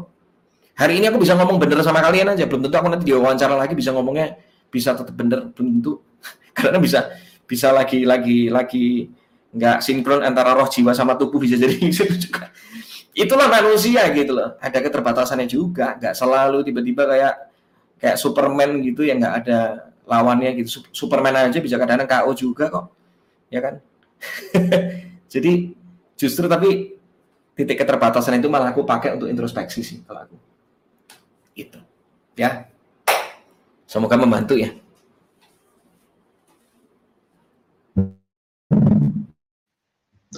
Terima kasih Kak Kiki, semuanya membantu banget. Uh, puji Tuhan dan saya kembalikan pada Grace. Terima kasih.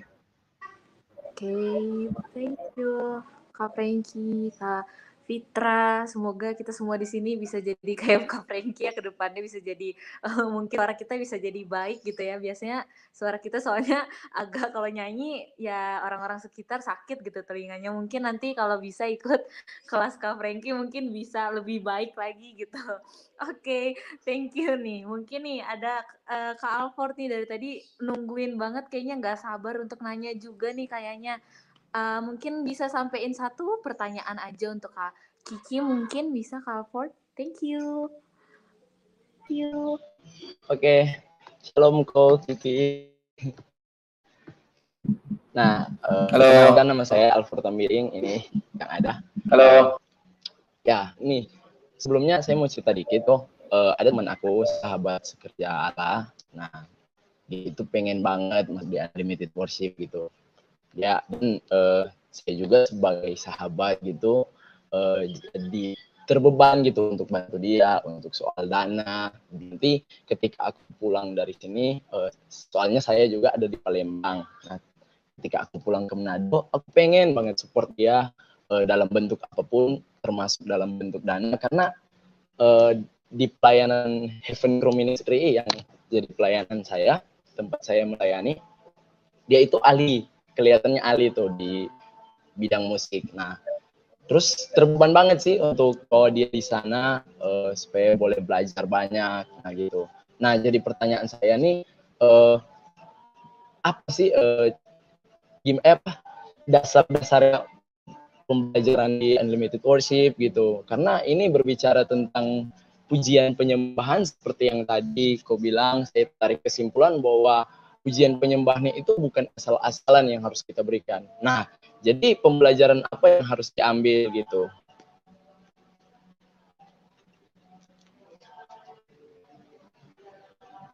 Oke. Okay. Um, Oke, okay. dalam di unlimited worship itu ada tiga tiga kategori besar yang yang uh, kita mau bagikan ya. Yang pertama itu bicara kebenaran, karena um, yang membedakan antara penyembahan dan pertunjukan itu sebenarnya ya nyanyi mas semua nyanyi nyanyi sama aja gitu. Yang firman tentang Tuhan itu kan jadi beda. Jadi pertama yang akan diajarkan adalah tentang pelajaran tentang kebenaran. Beneran yang kita akan aku sekarang lagi kerjasama dengan beberapa orang yang lulusan STT juga.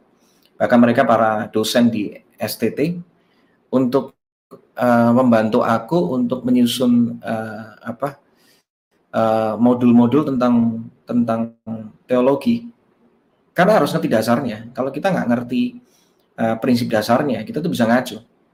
Kebenaran kalau kita ngerti caranya orang yang ngerti caranya sama enggak itu tuh uh, bakal beda banget.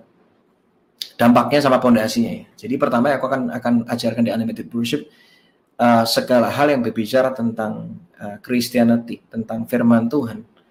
Nah nanti ini, ini kan ada Roy ini uh, nanti kita apa bakal ada ada uh, apa uh, community yang akan akan uh, worship community gitu. Jadi namanya unlimited worship community secara online.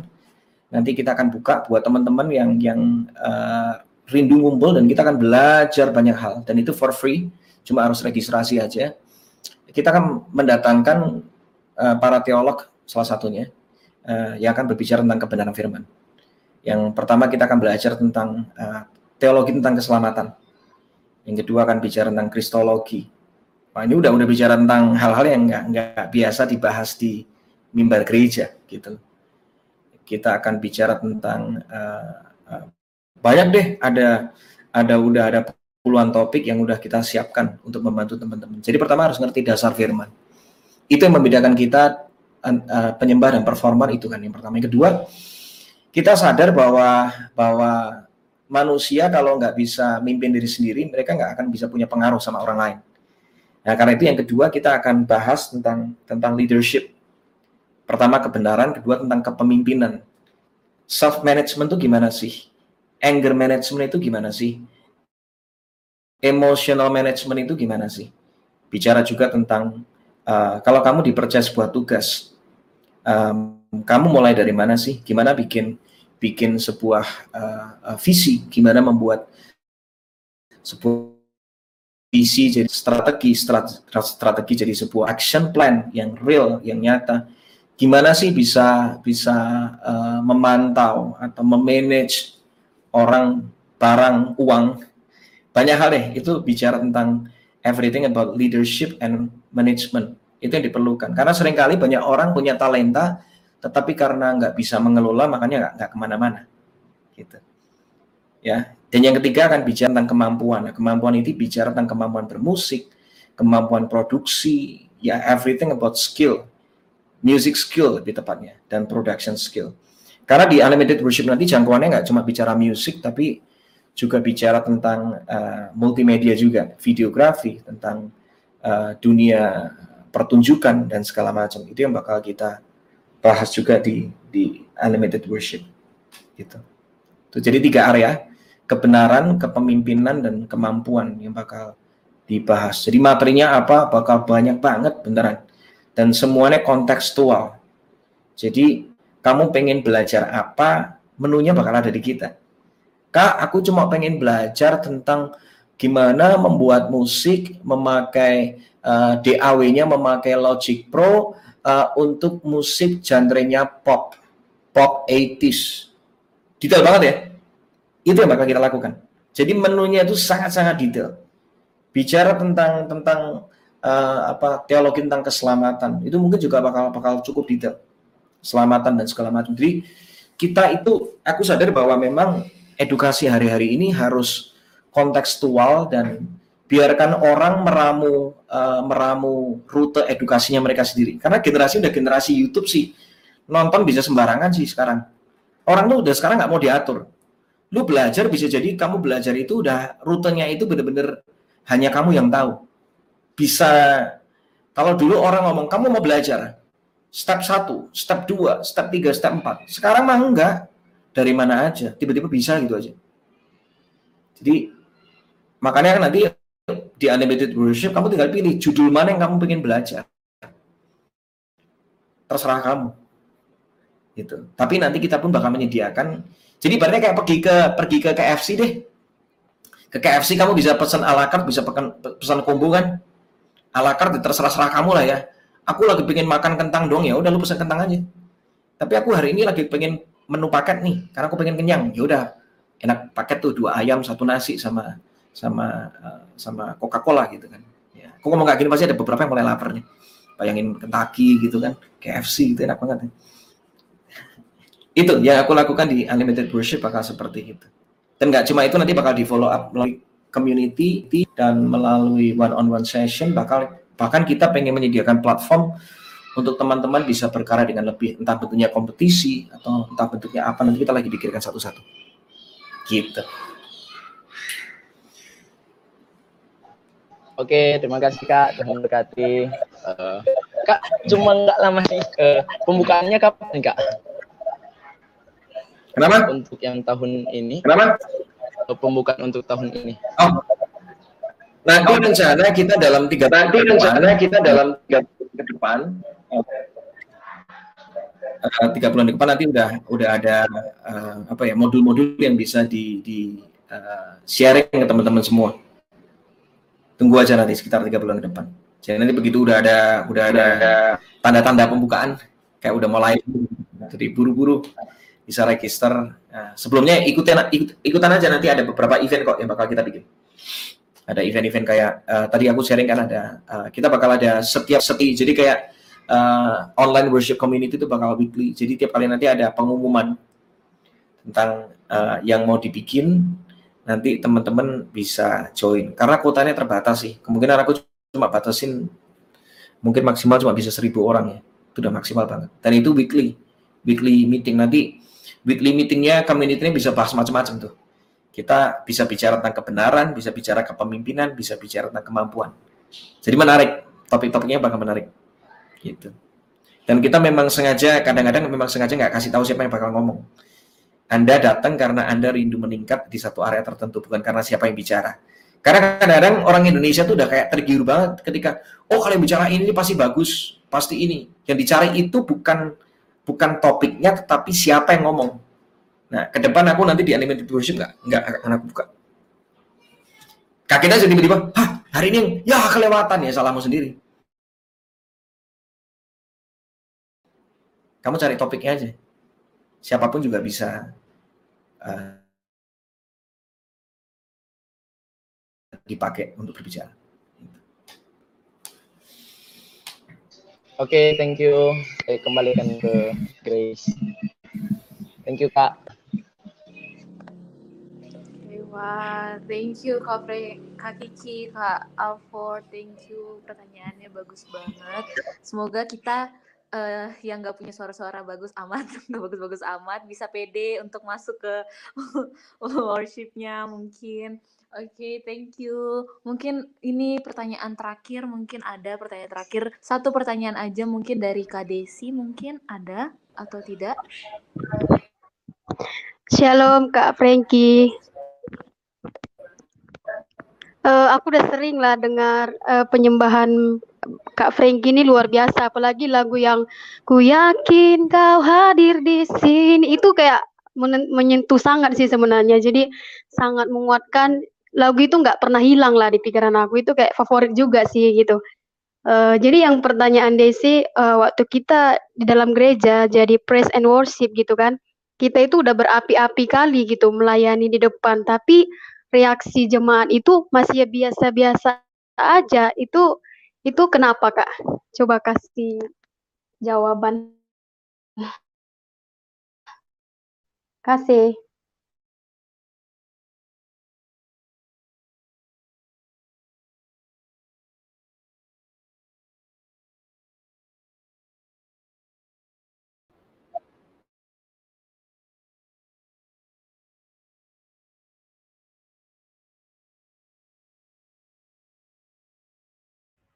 Ini ini jaringan Kak Frankie-nya ini. Tunggu aja kali. Halo Kak Frank. Halo Kak Kiki. Kak Kiki. Kak Kiki nge-like. Estetik yang like-nya. Habis kota mungkin. Enggak gitu Kak. Estetik ya. Like-nya Kak Frankie estetik. estetik banget. Screenshot, coba di Mungkin ada yang nelpon dia. Oh iya, aku rasa. Iya benar. Tuh kan, betul kan? Makanya. Makanya. Biasa. Makanya udah dikasih tahu kok. Wah. Salah siapa coba? Sabar Kak Desi. Memang yang terakhir-terakhir itu agak sakit sih. Tantangannya berat ya. Mudah-mudahan nanti setelah ini kita suara kita jadi bagus ya. Siap. Bisa kok, bisa kita jadi Kak Prengki, tapi bisa pecah telinga orang nanti. Dokter THC mahal. Tapi mantep nanti ya Kak John, kita ikuti itu ya nanti ya. Kan Kak John ada kontaknya nanti bisa kita ikut lah. Kita belajar. Ya, nanti kabar-kabarin ya. Aku pengen okay. banget itu. Biasanya cuma dengar aja ya kan, cuma nonton di YouTube. Ya ini walaupun cuma online udah bisa lihat kan gitu, bisa ngomong langsung gitu loh. Wah. Jadi kita harus bersyukur juga nih sama corona. Corona itu baik sekali kok. Gak nakal. Selain dia ada, meng menggemaskan dia ada baiknya juga ya. Iya. Dia ada hikmah di baliknya. Kalau nggak kita nggak jumpa, memang sih betul itu. Tapi kita hari ini ini kayaknya kita udah sesi apa loh webinar bagian praise and worship uh, sampul-sampulnya. Keren loh. Nggak bosan gitu loh karena uh, susah sih kalau kita dapat dapat seperti itu. Apalagi kan Kak Frankie ini memang udah berpengaruh kan gitu bukan orang sembarangan. Hah? Frankie Kuncoro. Bukan Frankie Siombing. Coba. Siombing, Siombing hadir. Telepon lagi. Ada, ada juga Frankie Siombing memang ada juga. Iya nanti Jumat kita sama Kak Frankie Siombing gantian. Uh, iya ya. Sama sama Pak David juga ya. Mal malam Kak ini. David nanti sore ini ya jam enam makanya wow. kita gaspol terus kan gitu. Mantap. Kan, udah pernah jumpa juga sih Pak Davi dulu uh, pembicara juga di gereja 2018 Pak David siapa? David, David Tambok. Tambok. Yang akunnya punyanya kita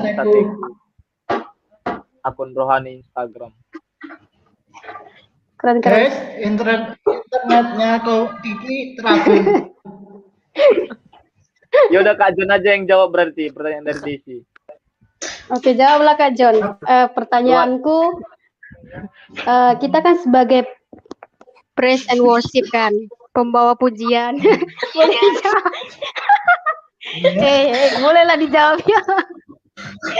uh, gini gini, kayak aku aku pernah aku janganlah ketawain serius sekali ya. kita serius yuk.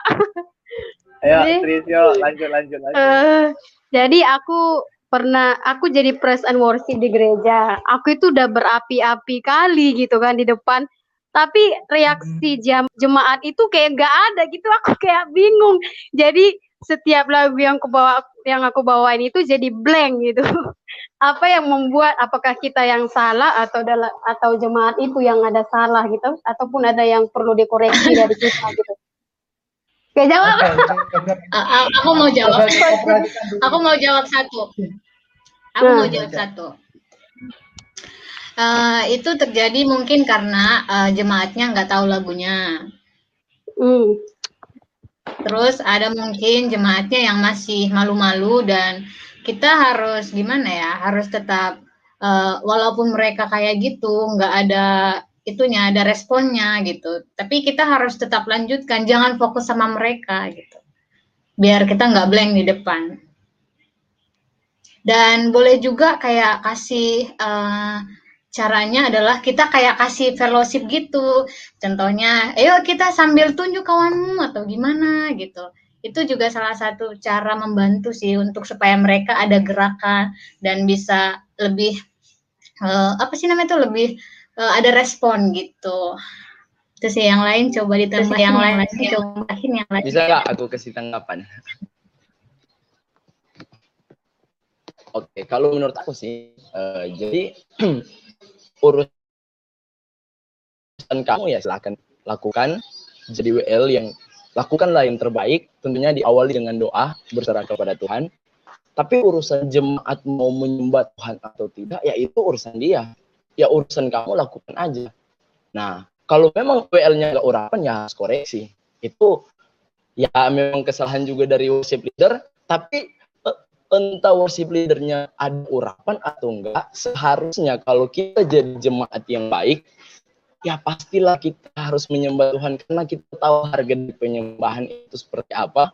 Kita tahu bahwa itu adalah respon untuk uh, memberikan apa yang Tuhan sudah berikan dalam kehidupan kita. Jadi kembali lagi uh, tergantung juga dari jemaat. Bisa jadi engkau sudah lakukan yang terbaik, sudah ambil doa dan puasa sebelumnya engkau mengawali dengan yang terbaik. Ketika engkau tampil juga tampilan tampilanmu bagus, memberikan yang maksimal. Tapi kalau memang jemaatnya nggak punya respon, ya udah itu salah mereka sendiri. Mereka mereka tidak memberikan yang terbaik untuk Tuhan. Itu sih menurut aku. Oke, berarti berarti Tuhan itu cari penyembah ya. Tuhan itu cari hati yang menyembah lah berarti kan. Jadi kita nggak bisa paksakan orang menyembah, tapi kita kita tetap menyembah di depan di depan altar itu supaya penyembahan kita itu bukan untuk manusia tapi untuk memuliakan Tuhan. Aku setuju sih jawaban si Alfo dengan Fitra. Ya, aku setuju. Oke, makasih. Gimana Kak John? Aman itu? Kak Frankie-nya? Atau masih kita tunggu sampai aman? Kan tadi saya belum iya. menjawab Desi. Langsung di skip aja. Ini saya Kalau menurut okay, okay. yang Bang salah John. ya Kak, Kak John-nya yang salah ini. Belum malu Bang John ini. Ah. Kenapa? Oke, lanjut. Udah, udah, udah join. Siap. Tadi pertanyaannya. Siap. Ngadepin jemaat yang pasif ya? Ya. Gitu. Oke. Jemaat bisa jadi pasif karena mungkin mereka nggak melihat contoh kepemimpinan yang bisa menginspirasi mereka. Karena namanya ekspresi dalam penyembahan itu tuh pertama juga karena ditularkan ya mereka terinspirasi gitu. Ya, kita nggak cuma bisa ngomong uh, contoh nggak nggak usah jauh-jauh deh. Uh, ya anak saya bakal lihat saya gitu. Saya ngomong sama dia nggak mungkin kan gini. Eh kamu jangan merokok ya, bisa kayak gitu. Tapi kita yang merokok gitu. Eh kamu tahu hidup sehat ya. Tapi kita nggak hidup sehat ya sama aja kan. kita meminta orang-orang untuk untuk memaksa mereka. Penyembahan itu bukan sesuatu yang bisa dipaksakan. Penyembahan itu hanya bisa ditularkan. Gitu. Ya, itu yang pertama. Yang kedua, kenapa mereka nggak berekspresi bisa jadi jarang diajarkan. Mereka nggak ngerti aja, gitu. Ya, karena sering kali karena nggak diajarin, makanya uh, apa? Oke. Okay. Oke, okay, aku lagi nunggu dirubah-rubah formatnya. Apa? Layoutnya. Oke. Okay. Ya, jadi yang kedua karena mungkin nggak diajarin, gitu. Nggak diajarin aja. Uh, karena mereka nggak diajarin karena nggak ngerti. Gitu. Yang ketiga memang mereka belum bisa jadi mungkin yang terakhir mereka belum cukup dewasa untuk mengerti. Jadi itu nggak usah dipaksakan. Namanya anak kan ada pertumbuhannya gitu ini anak gua kenapa nggak lari? Ya kan baru lahir, lu minta lari gimana? Gitu. Kasih waktulah gitu loh untuk dia bisa belajar bertahap. Gereja kita nggak ekspresif ya. Latihlah dari hal paling sederhana. Misalnya apa-apa dikit ngomong katakan amin gitu. Sesimpel itu aja, nggak usah ngomong angkat tangan. Jadi namanya pertumbuhan itu kan sesuatu yang progresif ya. Anak lahir ya jangan suruh berlari lah. Dia suruh guling-guling aja udah hebat banget gitu. Ngomong aja kan dia bisa ngomong kan juga bertahap gitu loh. Nggak tiba-tiba lahir habis itu bisa ngomong semua kata-kata kan enggak. Ada progresnya gitu. Jadi uh, tiga hal itulah menurut aku tadi pertama ya. Mereka perlu inspirasi dan inspirasinya harus asli ya. Kita di bawah mimbar orangnya diem gitu. Tiba-tiba atas mimbar tiba-tiba berubah. Wah haleluya wah ini, ini aneh ini malah ngerti kan? Ada orang-orang yang diem gitu, nggak ekspresif gitu. Begitu di atas mimbar bisa jadi orang yang berbeda. Nah inspirasinya yang asli dong, yang sehari-hari kayak orang kenal kamu di atas mimbar dan di bawah mimbar, jadilah inspirasi dalam sehari-hari gitu. Karena bisa jadi orang malas berekspresi karena lihat kelakuan kita juga. Ah, dia mah coba cuma hebat di panggung doang, di bawah mah kacau gitu. Jadi kenapa mereka nggak berekspresi bisa jadi mereka mungkin juga malas lihat kita. Coba kalau kita berubah Coba kalau kita bisa menginspirasi di atas dan di bawah panggung, aku percaya apa pun yang kita katakan, yang kita hidupi orang bakal respect. Ya. Yang kedua, ajarkanlah, karena itu penting banget. Yang ketiga, uh, tunggulah karena butuh waktu untuk bisa untuk bisa apa uh, meningkat lebih dewasa, lebih berekspresi. Kira-kira seperti itu. Semoga membantu Anda semua.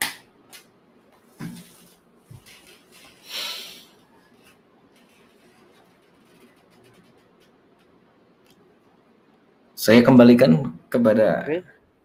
Gimana Grace? Aman? Kakak Grace, silakan. Mungkin Kak Desi udah nggak mau kasih tanggapan juga kali ya. Oke. Oke, okay, hmm. uh, mungkin udah jam segini juga, udah udah mau jam 3 juga, kita mending tutup aja mungkin karena udah nggak ada pertanyaan juga, nggak ada yang mau ditanggepin juga. Nah, tapi sebelum itu nih Kak Kiki, aku di sini semua, teman-teman di sini semua pengen banget untuk Kak Kiki nyanyi satu lagu dari kakak aja mau uh, lagu kakak yang baru atau mau terserah. Yang penting mungkin kakak bisa nyanyi baru nanti uh, oh, ya? kakak bisa tutup doa mungkin. Oke okay. oke okay. yang mana ya? Bentar, Uh, bentar ini nyanyi ya. Nyanyi sama ngomong mikrofonnya bisa dibeda Oke. Lagu yang kalian kenal aja ya. Kalian banyak kenal aja. Ku menyembah dalam kudus hadiratmu hampiri tahta kasih karuniamu Bapa.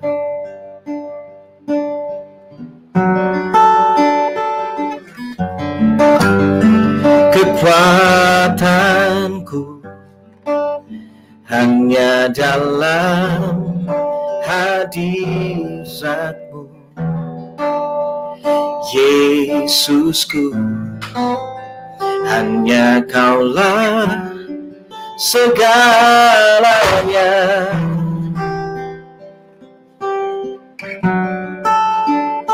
Ku yakin kau hadir di sini.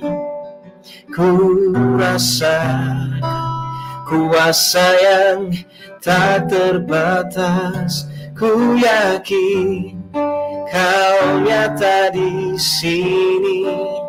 Kemenangan terjadi di sini. Segenap jiwaku memujimu. Sungguh besar kau Yesusku. Segenap hatiku menyembahmu Kau besar Kau besar Kau besar Kau besar.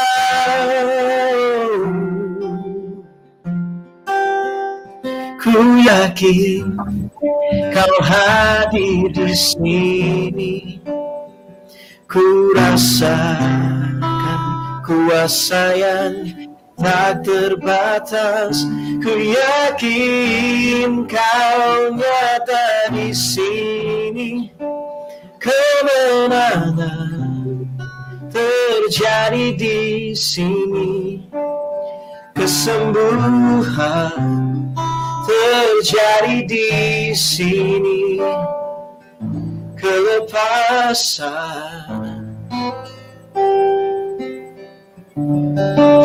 terjadi di sini.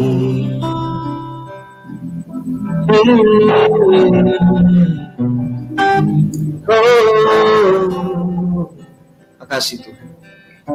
Tuhan pagi hari ini aku berdoa buat setiap teman-teman yang bisa berkumpul bersama-sama dalam podcast ini Tuhan.